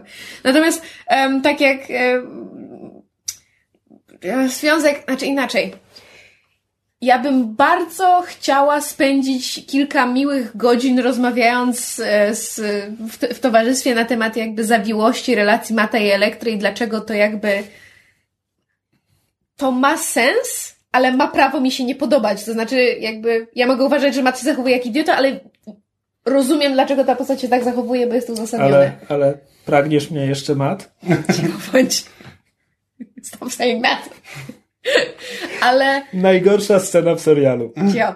E, ale tak jak jakby niekoniecznie jestem fanką relacji Mata i Elektry, chociaż rozumiem, dlaczego została tak, a nie inaczej pro- po- po- poprowadzona, tak muszę powiedzieć, że jestem wielką fanką tego, jak serial bardzo subtelnie próbuje shipować Karen i, i Franka. To znaczy scena pod tytułem Kocik porad sercowych Franka Kasla e, bardzo mi się podobał. I jakby, znaczy, podoba mi się, że z jednej to jest, z jednej strony to jest e, wpasowany właśnie ten, ten znaczy konflikt, jakby to pytanie, które zadają sobie wszyscy mieszkańcy Hell's Kitchen pod tytułem, czy to, co robi, prawda, Daredevil jest słuszne, czy nie, czy to, co robi Punisher jest słuszne, ale bardzo mi się podoba też to, o czym, do, do czego w sumie mam wrażenie drugi sezon rzadziej nawiązuje, czyli to, że Karen czuje osobistą więź z Frankiem, dlatego, że ona też kogoś zabiła. A. Właśnie widzisz, i to jest ta reakcja, na którą liczyłam, dlatego, że Ja się w ogóle zapominam, że Karen zabiła Wesley'a. No właśnie i to jest to, co mi się w serialu podoba, że jakby... Rzeczywiście, to w ogóle nie wróciło. Ale właśnie o to chodzi, bo to nie wróciło na tej zasadzie, że nikt się o tym nie dowiedział, ona nikomu nie powiedziała, natomiast to jest to, co ją cały czas po- popychało moim zdaniem do jakby próby, może nie uniewinnienia, ale usprawiedliwienia Franka, bo ona czuła z nim więź na, na, na tej zasadzie, że, że, że ja wiem, jak to jest kogoś zabić. To nie może, to, to, to niekoniecznie jest słuszne, to niekoniecznie jest prawe, ale ja wiem, co, co mogłeś czuć. I między innymi stąd też może wynikać jej, jej jakby, znaczy nazwijmy to konflikt, jej um, obiekcje wobec um, prawda, metod Daredevila, no bo prawda, on nikogo nie zabił, co on może wiedzieć. I mi się to bardzo podoba. To znaczy, ja strasznie opłakałam śmierć Wesleya, bo uważałam, że to jest jedna z najfajniejszych postaci i tak naprawdę o wiele chętniej bym e, poznała background e, e, Wesleya, to znaczy jak, jak się potoczyło jego życie, że on został lojalnym, e, lojalną prawą ręką Kingpina. E, wolałabym to niż dowolną liczbę ninjasów. E, natomiast to mnie tknęło już chyba w pierwszym albo w drugim odcinku. Nie pamiętam, co to było. Karen powiedziała jakieś takie jedno zdanie do Fogiego na zasadzie, że coś właśnie z tym, że chyba e, rozumiem jak to jest. I Fogi się pyta jak, to ona mówi nieważne. To wiesz, zupełnie taki aside, znaczy ten throwaway comment, ale bardzo, bardzo mi zapadł w pamięć i właśnie cieszę się, że to zostało tak subtelnie rozwinięte. A przynajmniej ja to tak interpretuję. Okej, a powiedzcie mi w takim razie, czy ja coś źle pamiętam albo za dużo się wczytałem, ale czy miałem wrażenie, że jednak pierwszy sezon sugerował, że Karen i Fogi mają się ku sobie, mimo że potem jakby trochę bardziej z, No, rzeczywiście oni, z, oni, stronę... się, oni się mieli ku sobie trochę, głównie dlatego, że Matt był zajęty e, e, Rosario Dawson, jak się na Claire, Claire. e, w tamtym sezonie przynajmniej. E, I tutaj faktycznie... No bo jakby- jakoś mam wrażenie, że to po prostu jakby zupełnie odrzucili, bo potrzebny był trójkąt miłosny do Elektry I po prostu jakby zupełnie zapomnieli jest, o tym, jest że... pokazane, że Fogi się nadal o Karen troszczy i że, jak to się mówi po Tak, angielsku, tak, he- ale he's, he's burning a candle for her, to znaczy, że nadal czuje do niej jakąś tam miętę. I ona chyba, znaczy, ja jestem przekonana, że Karen o tym wie, tylko że ona po prostu, to wiesz, to, to okropne, straszne, ten e, słowa pod tytułem I don't see you that way, to jest mniej więcej jej stosunek do Fogiego, że ona jakby docenia i ona też go lubi, ale nie w ten sposób. Ja to tak odebrałam, ale rzeczywiście było tego, zostało to zupełnie Znaczy zresztą, zresztą Fogi w pierwszym sezonie też znowu zaczął sypiać ze swoją byłą dziewczyną, która Tak. wraca i tutaj, więc tak, Tak. no to nie, nie było eksplorowane w A żaden w sumie sposób. to mi się podobało, to znaczy tak jak w pierwszym sezonie ona była robiona na taką, wiesz, wredną zołzę, to, że wróciła w tym sezonie i że zaczęli ją jakby te flash out, że zaczęli trochę ona, więcej ona, w- ona w pokazywać. pierwszym sezonie też miała ludzkiego Ale nie, odruchy. miała, tylko jakby, wiesz, poznajemy ją jako tą wredną zołzę, która do, do, potem ma dopiero ludzkie odruchy, a tutaj jakby było tego więcej, czyli jakby podoba mi się, że takimi, wiesz, drobnymi kroczkami dalej jeszcze tę postać próbowali rozwinąć. I Claire też została trochę, co też było sympatyczne. Ciekaw jestem, co z nią zrobił dalej. Właśnie ja też, biorąc pod uwagę, jak się skończyła, znaczy w tym, w tym sezonie, gdzie postać, prawda, się zatrzymała. A, bo ona ma być w Luke Cage'u, bo jakieś zdjęcia tam z planu wspólne jej i Coltera. tak. Muszę powiedzieć, e, no bo duży, dużą część tego sezonu zajmują te rozważania, czy, czy Punisher robi dobrze, że zabija i Daredevil mówi nie, nie, nie i się tego twardo trzyma i chociaż go Elektra kusi, to on mówi nie. A potem w finale okiem nie mrugnie, kiedy jego sojusznicy zabijają i to Właśnie, się, tak, to było dziwne. To, to mnie właśnie dziwiło, że on I potem, potem- i potem, do walki kiedy tam i po na- Elektra przy jego boku jakby zabija wszystkich. Jeszcze na początku było parę scen, kiedy ona kogoś Się zabijała, albo on, się zamierzała, a on ją tak, on, powstrzymywał. on, on ją powstrzymywał, a potem już nie. Potem on, on ich bije, ona ich zabija i... Tak, tam potem w finale jest przecież ta scena, kiedy Punisher już chyba nawet z czaszką na klacie się pojawia na trzy sekundy i też parę, parę strzałów oddaje i Daredevil tak dziełki, dziełki, dziełki, idę pobić tego złego Japońca. Zrzucić go z dachu. Because that won't kill him. Że, ale to jest właśnie, to jest dziwne, bo czy, czy No, zabicie no nie zabiło. Znaczy powiedz, no ale poza tym Stick zabicie nieumarłego liczy To się znaczy- jako Ale to się wpasowuje w ten schemat działania Mata pod tytułem dam komuś po łbie albo zrzucę go z dachu, bo na pewno nie zginie. Znaczy w komiksach Ninja Hand albo oni wszyscy są już wskrzeszeni, na pewno, na pewno po śmierci zamieniają się w proch i dym. I, I nie wiem, czy to dlatego, że oni są nieumarłymi, czy coś. W każdym razie Ninja Hand są... Jest kilka takich grup komiksowych przeciwników, którzy, wiesz, bohater ma kodeks, Tak, że tak, nie tak. zabija i tak dalej, ale Ich na przykład, tak, na, przykład, na roboty, przykład się okazuje, nie no, klony. roboty oczywiście, klony zazwyczaj też, chyba, chyba że mówimy o klonach w rodzaju, nie o wiem, Bena Riley'ego czy, tak, czy no. X23, tak, ale na przykład jest cały durny, durny, durny crossover X-Menów, gdzie X-Meni biją się z wampirami. No i wampir nieumarły, kill him, kill him. Mucimy jak zboże. Mniejsza z tym, że konsekwencją tego, tego e, crossoveru było to, że Jubilee została wampirzycą, ale nie, wampiry kill him, jak tylko je widzimy. Kosmici spoko. Kosmici jak atakują kill him, kill him. No i Ninja Hand też zazwyczaj Kilim, makatka. Aczkolwiek Der, no, nie wiem, czy Daredevil zabija w komiksach. Chyba nie. On jest, on jest z tych, co się trzymają tego, że nie zabijają. Arras. Gobelin. Co? Mówisz kilim. Makatka. Arras. Gobelin, nie? Sama jesteś makatka. E, no jak? Ty, ty, ładnie nakręcony. Ciemny. Bar- Ciemno było. Mm, Ale pierwszy też był ciemny. Ale tutaj jakoś się zmieniały te poziomy ciemności i to tak z ujęcia na ujęcie Ale ja mam wrażenie, że to była kwestia... Telewizora? Tak, że coś po prostu sprzęt, bo to, to, to było bez żadnej regularności, to znaczy jakby... Znaczy, trudno by, byłoby mi uwierzyć, że to było tak nakręcone, bo to wygląda po prostu jak błąd techniczny, a to jest zbyt dobry serial, żeby No robił takie dlatego- rzeczy. dlatego Może faktycznie że to to był sprzęt. telewizor. E, natomiast, no sceny walki super. Bardzo mi się podoba, że twórcy w tym sezonie również postanowili pokazać nam jedną imponującą scenę w korytarzu. Tylko, że tym razem dali ją znaczy, Punisherowi. ja Znaczy, tak, A nie, to, poczekaj, tak naprawdę na dwie były, bo jeszcze klatce klatka schodowej. schodowa też się ścigała. Tak, też A, mam. czekaj, a to w takim razie o pierwszej, kto, o której mówicie? No, Punisher w więzieniu w korytarzu. Dobrze, właśnie, nie, to chciałem powiedzieć że właśnie, że, że jakby, że, bo drugą częścią jakby sceny walki w korytarzu to właśnie była scena na klatce schodowej. E, Ale on, ona była przefajnowana. Właśnie o to chodzi, Jakby- że jakby się przyłożyli, żeby tam widać, zrobić- widać, gdzie są cięcia zrobione, czy wiesz, w Tak, i to tak bardzo. y, Strasznie Jak, widać, jakby są. oni się naprawdę do tego przyłożyli, że, no bo tam, nie wiem, trzy piętra chyba pokonują. Gdyby to były tylko dwa poziomy, jedno przejście po schodach i gdyby to naprawdę było na jednym ujęciu, no to szapoba. A tak to widać, że to jest klejone i jakby Tak, i to, próbują się wstrzelić w stylistykę, tak, ale to nie to właśnie, samo. I y, próbują jakby nawiązać do tego pierwszego sezonu, ale w przefajnowany sposób, podczas tak naprawdę dla mnie właśnie tą drugą, y, drugą częścią walki w korytarzu jest ta scena walki z Punisherem, która jest dokładnie właśnie tym, co było, y, to, co było fajne w tej takiej pierwszej, gdzie ta walka jakby jest brutalna, naturalistyczna, czy jakby widać, że się Ale to jest, to jest y, akurat męczy- też najlepsza scena, żeby pokazać to, co Punisher mówi do Daredevila.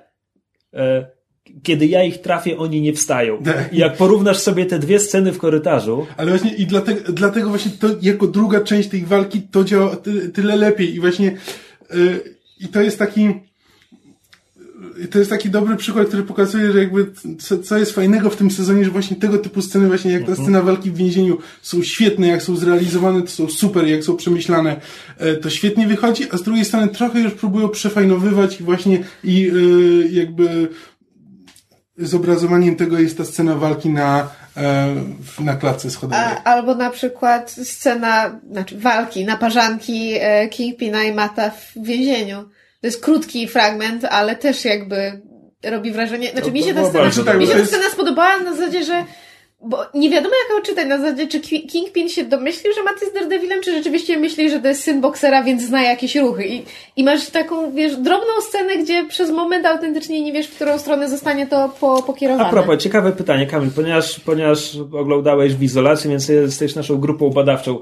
Czy według ciebie Punisher domyślił się, że Matt Murdock jest Daredevilem?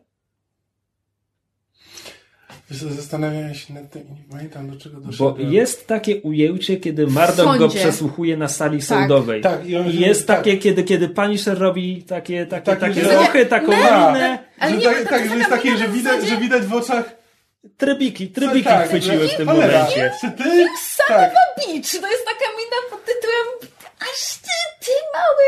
Ale, ale, No. potem, ale potem nie ma potwierdzenia. Spodziewałem się go, ale nic nie ma i mogę Znaczy, się zastanawiać tylko. W finale jest ta scena, kiedy Matt walczy na dachu z, bez kaptura, a wiemy, że Punisher strzelał ze snajperki, więc widział jego twarz i to jest jakby tylko potwierdzenie. Znaczy ja to tak zinterpretowałam. Tak, to ja w ogóle tego tak nie odczytałem.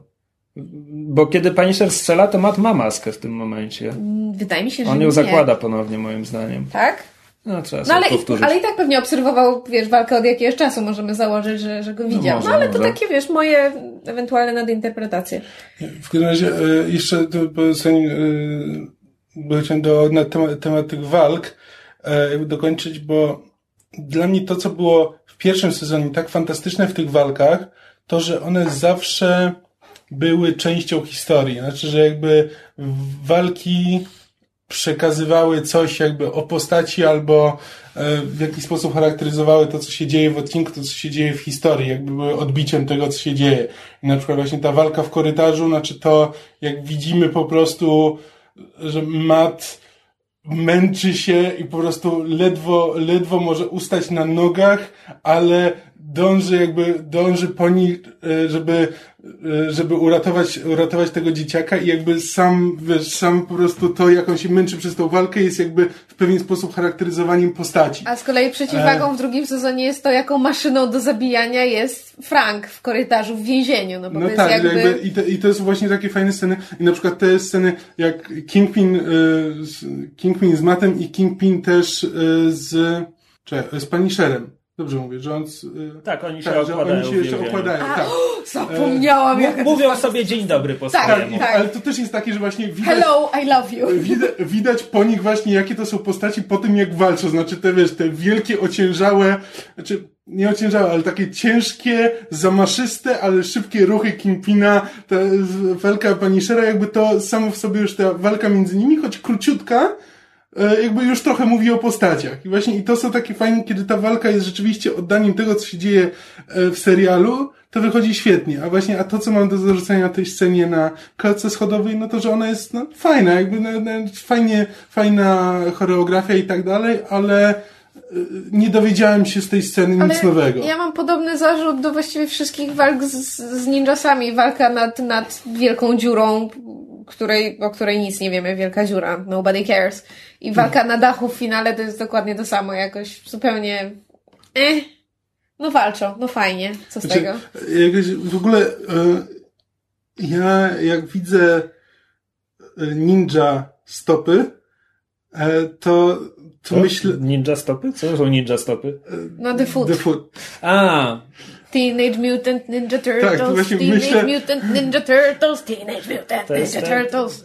Znaczy to jest, że to jest The Hand, w Tak. Daredevilu jest The Hand, W w Żółwiach Ninja stopy. są stopy i jakby są parodią właśnie Handu. tak, Więc tak. ja jak widzę, że ninja właśnie Handu, to mam przed oczami, to tak naprawdę nie różnią się w moich oczach niczym od e, ninży stopy i przez cały czas spodziewam się żółwi ninja w tym. biorąc pod uwagę, że- dlatego tak mi jest ciężko po, traktować ich w poważnie. poprzednim sezonie Nobu to był trochę taki shredder. Trochę tak. No. A poza tym, to zresztą rozmawialiśmy podczas seansu, że to jest, to jest fanon, czy to jest fan teoria, że jakby, znaczy, nikt o tym nie mówi głośno, ale jest powszechnie przyjęte, że żółwie ninja powstały, bo wyciekły na nie te same chemikalia, które... To, to jest po prostu To tak. scena w komiksie. Mamy scenę w komiksie, gdzie młody To- to chłopiec kanon, nie ratuje kogoś przed, ciężar, przed ale to nie jest ciężarówką. bezpośrednio powiedziane, jest No pokazane. bo to Nie, są nie inne wydawnictwa. No tak. ale tak, ale... Ale jakby, e, myślałam, że tak. to jest, myślałam, że to jest ciekawa informacja, nie wszyscy ją mogą znać, więc wytłumacz Tak. dalej, Krzysztofie, o co chodzi. Ojej, no w oryginalnych komiksach o żółwiach ninja, kie- kiedy poznajemy to, jak powstały żółwie ninja, to odkrywamy, że skapła na nie radioaktywna ciecz, ta sama, która wpadł, oślepiła małego chłopca, który uratował kogoś przed pełzącą ciężarówką. Czytaj, żółwie ninja wzięły się z tego samego źródła co Daredevil. Tak, więc A- skojarzenia The Hand, The Foot są tak, uzasadnione. dlatego ja, jak oni stali nad tą, nad tą dziurą i wrzucili, wrzucili tam te, co, co tam wrzucili. Latarkę? Nie pamiętam. La, tak, latarkę, to spodziewałem się, że jak ona spadnie, to tylko usłyszymy cichutki kołabanga. Oh, that would have been so precious! Dlaczego tego nie zrobili? Nie no, na moje, na moje to ona gdzieś wyleciała koło, koło Yokohamy, bo ninjasy sobie po prostu skrót przekopały. To jest logiczne. Przez jądro ziemi. Tak, tak. A ja mam jeszcze Wszystko takie pytanie, bo-. No chyba, Em. chyba, że na przykład tutaj będzie tak, że Kunlun jest tam w ziemi. I, I dojście do Kunlun będzie w środku Manhattanu. No, żeby sobie trochę ułatwić A nie mogli wiesz, zrobić po prostu drzwi, robotę. musieli wielką dziurę? It's not suspicious at all. Inconspicuous. That's my Ale, ale, second to, name. ale to by też oznaczało, że ninjasy nie wykopały dziury, a tutaj mamy powiedziane, że ninjasy kupały, bo, bo piasek. Kupały. Ninjasy kupały. No, no te ninja co skaczą nad ogniskiem przecież, wianki puszczają. Tradycyjne święto ninja. Dobra. Noc kupały, tradycyjne święto ninja. Ojej. Fuh, e, Nie? Ninja się nie? kupały w dziurze. Kopały. To jest basen. One tam sobie zrobiły basen. It all makes sense. ojej, ale ile wody potrzeba? No. Chyba, że przekierują tam rzekę Hudson. A, I, I widzisz. to będzie temat trzeciego sezonu. Matt musi podtrzymać bieg rzeki Hudson. I oderwą, oderwą Manhattan jest od reszty takie Nowego powiedzenie, Jorku. że kijem rzeki nie zawróci. Nie? No, because he has a stick. No. Natomiast muszę, muszę powiedzieć, że podobały mi się filmy superbohaterskie i komiksy, uf, komiksy to w ogóle bardzo, e, ale filmy bardzo często fetyszyzują tę no tę, tę superbohaterkę, superbohaterskość sprowadzoną do, do tych kostiumów i tak dalej. I bardzo mi się podobał ten zabieg, kiedy wiemy, że Matt do, będzie miał zmodyfikowany strój, bo mu się maska wzięła, popsuła i zanosi ją do Melvina i Melvin, Melvin mówi super. Przyjdź, pa- przyjdź za parę dni i tak dalej, a Matt w ogóle jeszcze przez pół odcinka gania w, w zaspawanej starej masce, to też było strasznie fajne, że miał maskę z blizną.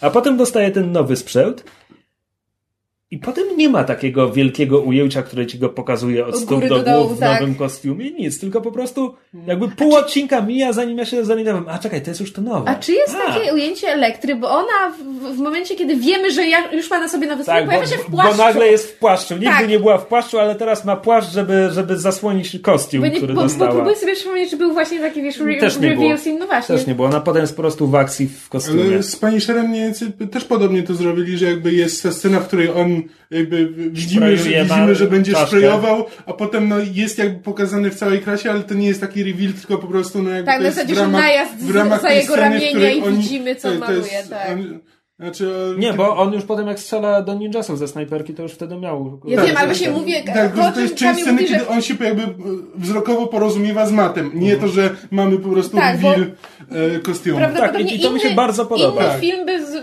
tak rozegrał to ujęcie, że wiesz, widzimy, że on coś sprayuje, po czym najazd za jego ramienia, że a, nasprayował czaszkę. A oni tego nie zrobili. I to jakby, that was the point I was trying to make. A ja mam jeszcze takie pytanie, bo nie wiem, czy to była kwestia tego, że oglądaliśmy wspólnie i ja jakby nie skupiałam, sku, nie skup, znaczy skupiałam się na tym, żeby się dobrze bawić i jakby wciągnąć się w fabułę, a nie skupiałam się na tym, żeby próbować rozgryźć um, serial, tak jak czasami mi się zdarza, jeżeli oglądam coś sama, to I'm very into it. Jeśli zapytasz mnie o opełtane dzieci, to rozłożę bezradnie ręce. Nie, nie, nie, nie, bo e, wiesz co, ja obejrzałam w życiu tyle procedurali, znaczy crime procedurals i, i policyjnych seriali, że jakby wiem, jakie są zasady. To znaczy, zasada brzmi, że jeżeli e, na początku pojawi się aktor, którego możesz skądś kojarzyć, jako jeden z podejrzanych, na końcu, Brown. tak, na końcu się okaże, że to on. To znaczy, ja przez cały serial autentycznie nie wpadłam na to, że Blacksmith musi być kimś, kogo już widzieliśmy, bo inaczej reveal nie ma żadnej em, emocjonalnej, znaczy nie, nie jest, e, nie ma wagi. Mhm. I kompletnie w ogóle zapomniałam, że to może być, że to najprawdopodobniej jest Clancy Brown. Nie, no znaczy bo, bo, ta postać tego No generała. bo rozmawialiśmy o tym już blisko końca, tam przy tych ostatnich odcinkach, no i jakby ja stwierdziłem, że poza Clancym Brownem wszyscy inni mają rolę w fabule, więc No. jeśli Blacksmith ma być kimś, kogo znamy, to został tylko Clancy Brown. Tak, żeby, żeby jeszcze nie brali do roli tego generała Clancy'ego Browna, to można by było pomyśleć, że on jest tylko po to, żeby tam powiedzieć coś o pani Szerze i zniknąć. Tak. Ale Znaczy wiesz co, no E. Clan, Clancy Brown zdarza mu się grać takie malutkie rulki. już teraz żart. No jak to przecież Wawę Cezar ma bardzo malutką No, rolkę. w- we, we Flashu się nie nagrał. E, jego postać wciąż żyje, no ale była tam w, w dwóch odcinkach, w tym jednym jako telepatyczne zombie. No może nie. E, w Sleepy Hollow ja przestałem oglądać, Ja ale w też. pierwszym sezonie też go wcale tak dużo nie Tak, było. on jest raczej, wiesz, ten character actor po prostu na drugim planie czy trzecim gdzieś tam sobie się... No tak, Natomiast- ale, że jak, ale z był jakąś, fajny, z jakąś fajny. rolą dla fabuły. E, reveal jest nie najgorszy, bo czytałem, czytałem na IO9, co tam redaktorzy IO9 sądzili o Daredevil, no i właśnie narzekali na Blacksmitha, że tam nie ma żadnych przesłanek i tak dalej, że dopiero kiedy Karen zauważa zdjęcie, to wiemy, że ten. Ale ona zauważa zdjęcie kogoś, kogo widziała w dokach i w dokach ten ktoś na widok pani, pani Shera krzyczy e, dawno się nie widzieliśmy, Frank. No i to jest motyw, kiedy ja to słyszę i myślę, nie, zaraz, oni się znają. On jest z wojska. A, wojsko, okej, dobra. No tak, no, No. właśnie bardzo fajnie to rozegrali moim zdaniem. Aczkolwiek to jest chyba ten sam odcinek, co, Tak. co Reveal z Clancy Brownem? Tak, to- to mogli rozłożyć w czasie. Tak, to dość Ale- szybko następuje jedno po drugim. No ale potem mamy jeszcze, prawda, pan, znaczy Frank się w to wtrąca i to się tam ładnie, ładnie rozgrywa. A, dobra, bo mówiliśmy o tym tak jakby owijaliśmy w bawełnę w części niespoilerowej. E, no bo jednak to się robi Daredevil, Elektra i Ninjasy, to jest jeden serial i The Punisher and Karen Page Show, to jest drugi serial w finale. I Daredevil jest w tym dużo nudniejszym wątku i to, że Daredevil nie ma nic do gadania w finale wątku Punishera trochę mnie rozczarowało. E, Ja nie mówię, że chciałem, żeby to się wszystko splątało, że okazałoby się, że ninjasy stoi, stały za Blacksmithem. Nie, bo to byłoby tanie i głupie. Ale to, że Daredevil jest zepchnięty do dużo, dużo, dużo nudniejszego wątku Że w tak, ostatnich chyba chcieli, odcinkach. chcieli jakby tak bardzo jakby dać Karen coś do roboty, że jakby ponieważ w pierwszym sezonie tak trochę właśnie była zepchnięta do Znaczy, i to jest, i to jest fajne. Ja lubię Karen, ja lubię ten wątek. Po prostu Tak. nagle Daredevil w swoim własnym serialu kompletnie przestaje mnie interesować. Znaczy tak, że po prostu trochę przesadzili, że jakby chcieli zrobić tak, żeby Karen, e, żeby Karen miała swój własny jakby wątek, zupełnie jakby jej własny finał, żeby jakby zrobić z niej pełnoprawną postać, ale to jakby trochę zaważyło na postaci Daredevila i jednak to tak nie powinno wyglądać. No jednak musimy wiedzieć, kto jest, znaczy jak się nazywa ten serial i kto jest tutaj głównym bohaterem. Jakby Karen fajnie, że jest, że jest pełnoprawną postacią i ma własne wątki, ale, em, ale to nie mogą być zupełnie oderwane wątki. No tak, no, no w, w momencie, kiedy przez pół serialu Matt tylko gania za Elektrą, Jak pies. mm, to jest takie trochę, hmm. A czy mogę jeszcze powiedzieć coś o propos Karen?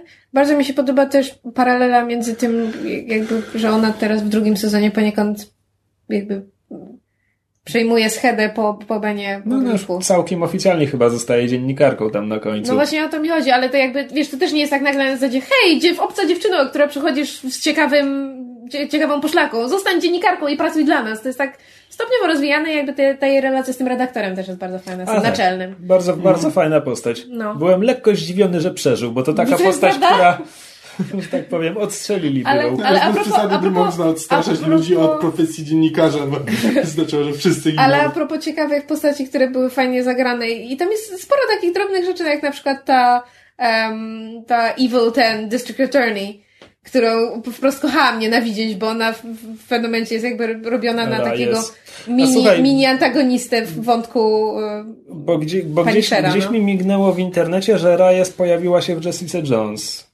Ale nie kojarzę jej Czy, zupełnie. y, y, ja, jak ją zobaczyłam, to było na zasadzie twoja twarz brzmi znajomo, ale myślałam, że kojarzę ją z innego serialu. Być może. Znaczy, ale tak samo... Wydaje mi się, że jest w ostatnim odcinku Jessiki, ale wydaje mi się, tak przeczytałem w internecie i nie wiem, czy internet ma E, rację. No, a propos Cameo, no to też sympatycznie było zobaczyć Carrie Moss, która przeprowadza ten e, Oj, rozmowę tak, z Fogim. Będę, będę bardzo, bardzo rozczarowany, jeśli teraz w drugim sezonie Jessiki nie będzie Fogiego, no bo No. po czymś takim musi być. Znaczy ja słyszałam, że oni to tak mają rozwinąć, że jak właśnie na tym polega jego wątek, że on teraz będzie na swoim i że będzie sobie całkiem nieźle radził. O, ja strasznie chciałbym zobaczyć jakieś sceny wspólne Fogiego i Jessiki. Znaczy ja w ogóle, ja, ja tak jak em, zareagowałam na, na informację o tym, że, że prawda, że mają być, że, że te pojedyncze seriale Netflixa dążą do, prawda, stworzenia The Defenders, no to to mnie jakby nie obchodziło. Natomiast im więcej poznajemy, te, im lepiej poznajemy te postaci, tym bardziej ja po prostu czekam na te wszystkie konfrontacje. To znaczy ja chcę już zobaczyć ten moment, kiedy Matt, Jessica, Luke i, i Iron Fist, którego imienia nie pamiętam, jak to się oryginalnie nazywa? W sensie- Danny Rand. a, Dany. Jak oni się wszyscy poznają, bo po prostu... Znaczy, już na tyle wiemy dużo o Macie, Jessice i powiedzmy o Luke'u Cage'u, że jesteśmy w stanie mniej więcej em, wiesz, zacząć sobie wyobrażać, jakby wyglądały ich rozmowy czy konfrontacje. Bardzo mi się podoba A, no też... ploty, ploty są, że, że Iron Fist już będzie w Luke'u Cage'u. No właśnie, bardzo na to liczę, bo e, jakby jestem ciekawa, jak, jak, jak w ogóle ta postać będzie wyglądała, jak ona się będzie, prawda, zachowywała, jaki będzie miała charakter. I im dłużej na tym myślę, tym bardziej mi się podoba ten casting, co jakby jest o tyle, you know, ironic, że ja kompletnie nic nie wiem o Iron Fistie i o Danim i jakby to jest dla mnie e, zupełnie, że tak powiem, ten e, biała karta. Więc twórcy ją mogą zapełnić i przedstawić mi jakąś, roztoczyć przede mną jakąś fajną wizję. Natomiast po prostu jak mam wizję tego, jak wiesz, Jessica mówi Matowi, żeby przestał jojczyć się ogarnął, no po prostu wiesz, jakieś takie drobne rzeczy już mój umysł tam sobie e, Dopisuje. Tak, dopisuje. Natomiast teraz zacząłem się zastanawiać, to jest obok tego, o czym te- teraz mówimy, ale Jessica Jones dostała drugi sezon. Co oni z nim zrobią? Właśnie, On- Ona nie ma żadnych być? innych przeciwników poza Killgrave'em. No, coś wymyślał. Ale tutaj Znaczy, a kie- kiedy ma być drugi sezon? Jakby po Luke'u Cage'u? nie, jakby po Luke'u Cage'u ma być chyba Czy Iron właśnie, Fist czy, dopiero. właśnie, czy Luke Cage, wydaje, Iron że- Fist Znaczy przy, przyszły, przyszły rok to pewnie będzie Jessica 2 i Iron Nawet to Fist. też tak myślę. Tak to jak będzie- w tym roku była Jessica i Daredevil. Nie, jest Nie, Luke Iron... Cage. Czyli Luke Luke Cage. Cage przecież w tym roku wychodzi. Daredevil i Luke Cage, tak Jessica była w zeszłym roku, zapomniałem, że mamy już następny rok. Tak, one wychodzą tak parami. No ja też tak obczałem, że teraz będzie Luke Cage, potem druga Jessica Jones, potem Iron Fist. Pewnie tak. Czy tak, więc pewnie będą musieli w Luke'u Cage'u wprowadzić jakiegoś przeciwnika dla Jessiki. No jakoś to zawiązać, pewnie tak. sezonie.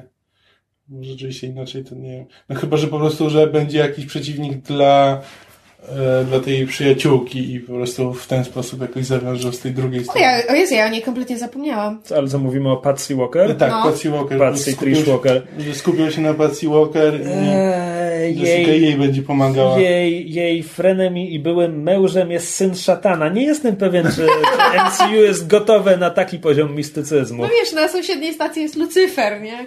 Jakiś crossover, Nie, coś, nie przypominaj mi. No. E, czy mamy coś jeszcze do dodania? Coś do powiedzenia? Chyba Znaczy, nie. na pewno jest mnóstwo rzeczy, o których nie mówiliśmy, ale Przepraszam, ale bo z- zaczęła myśleć, czy na przykład, czy możemy coś myślałem, że powiedzieć o zakończę muzyce. ten odcinek. Nie, Nie, nie sądziłem, że ją aktywuję znowu. Cicho. I Bo tak się zastanawiałam, czy jeszcze są jakieś drobne rzeczy, o których możemy wspomnieć i tak zaczęłam myśleć, czy była jakaś muzyka charakterystyczna.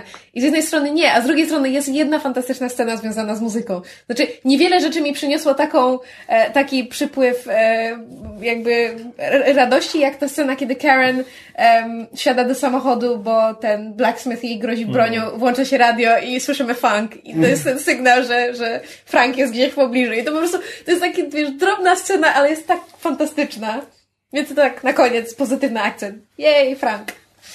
Tak, Frank, Frank był super, aczkolwiek pytanie mam. Znaczy, nie, nie, był super, nie, nie przyczepiał się absolutnie do niczego w tym, co zobaczyłem w Daredevilu, ale mam do was pytanie, czy, czy wy chcielibyście serial o pani Szerze? No. Bo są ploty i jak dla mnie on jako główny bohater Nie. własnego Nie. serialu to nie jest temat. Nie, bo Nie. musieliby go uładzić yy, i to by, to, to by dziwnie wyszło. Musieliby go uładzić?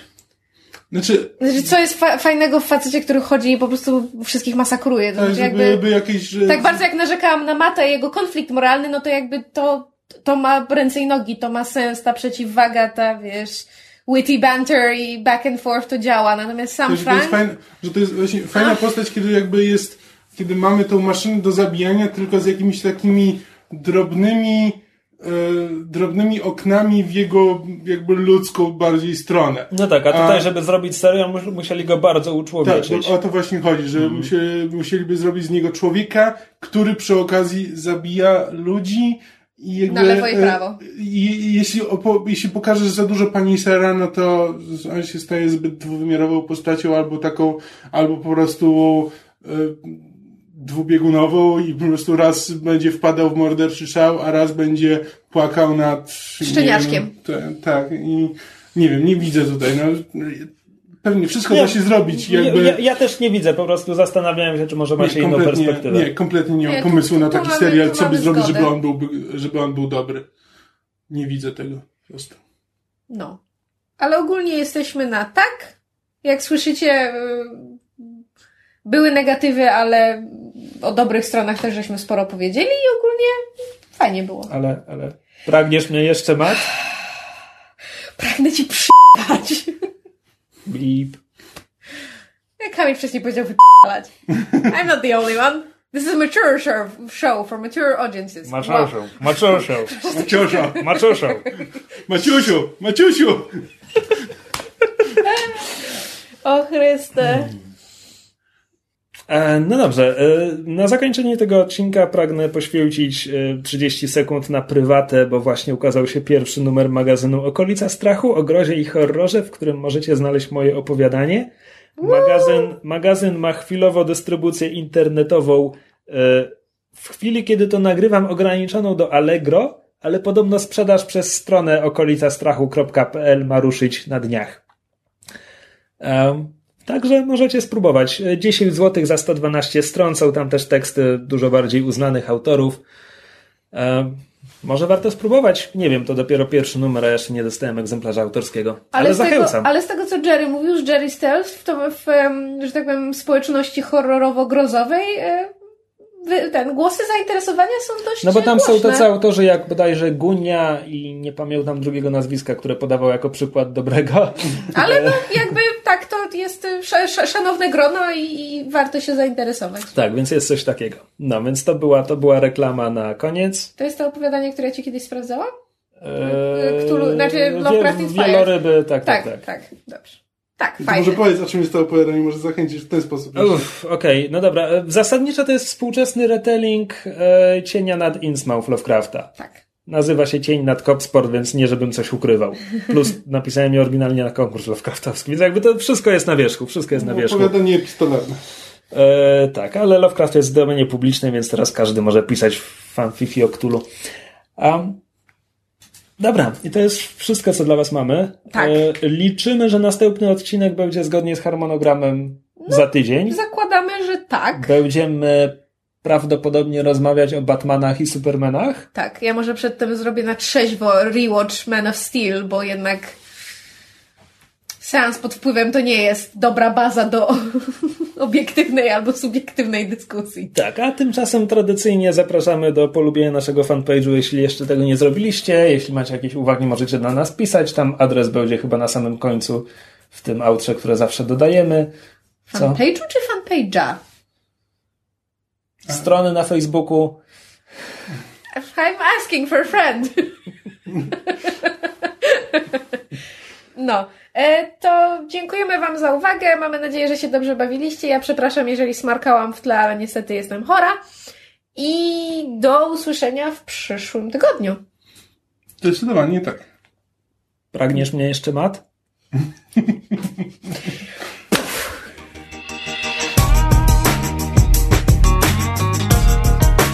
Słuchaliście podcastu Myszmasz. Możecie nas znaleźć na myszmasz.pl lub polubić nasz fanpage na Facebooku. Możecie nam także wysłać maila na myszmaszpodcast.gmail.com Jeśli do nas napiszecie, będziemy szczęśliwi jak pies pani Szera.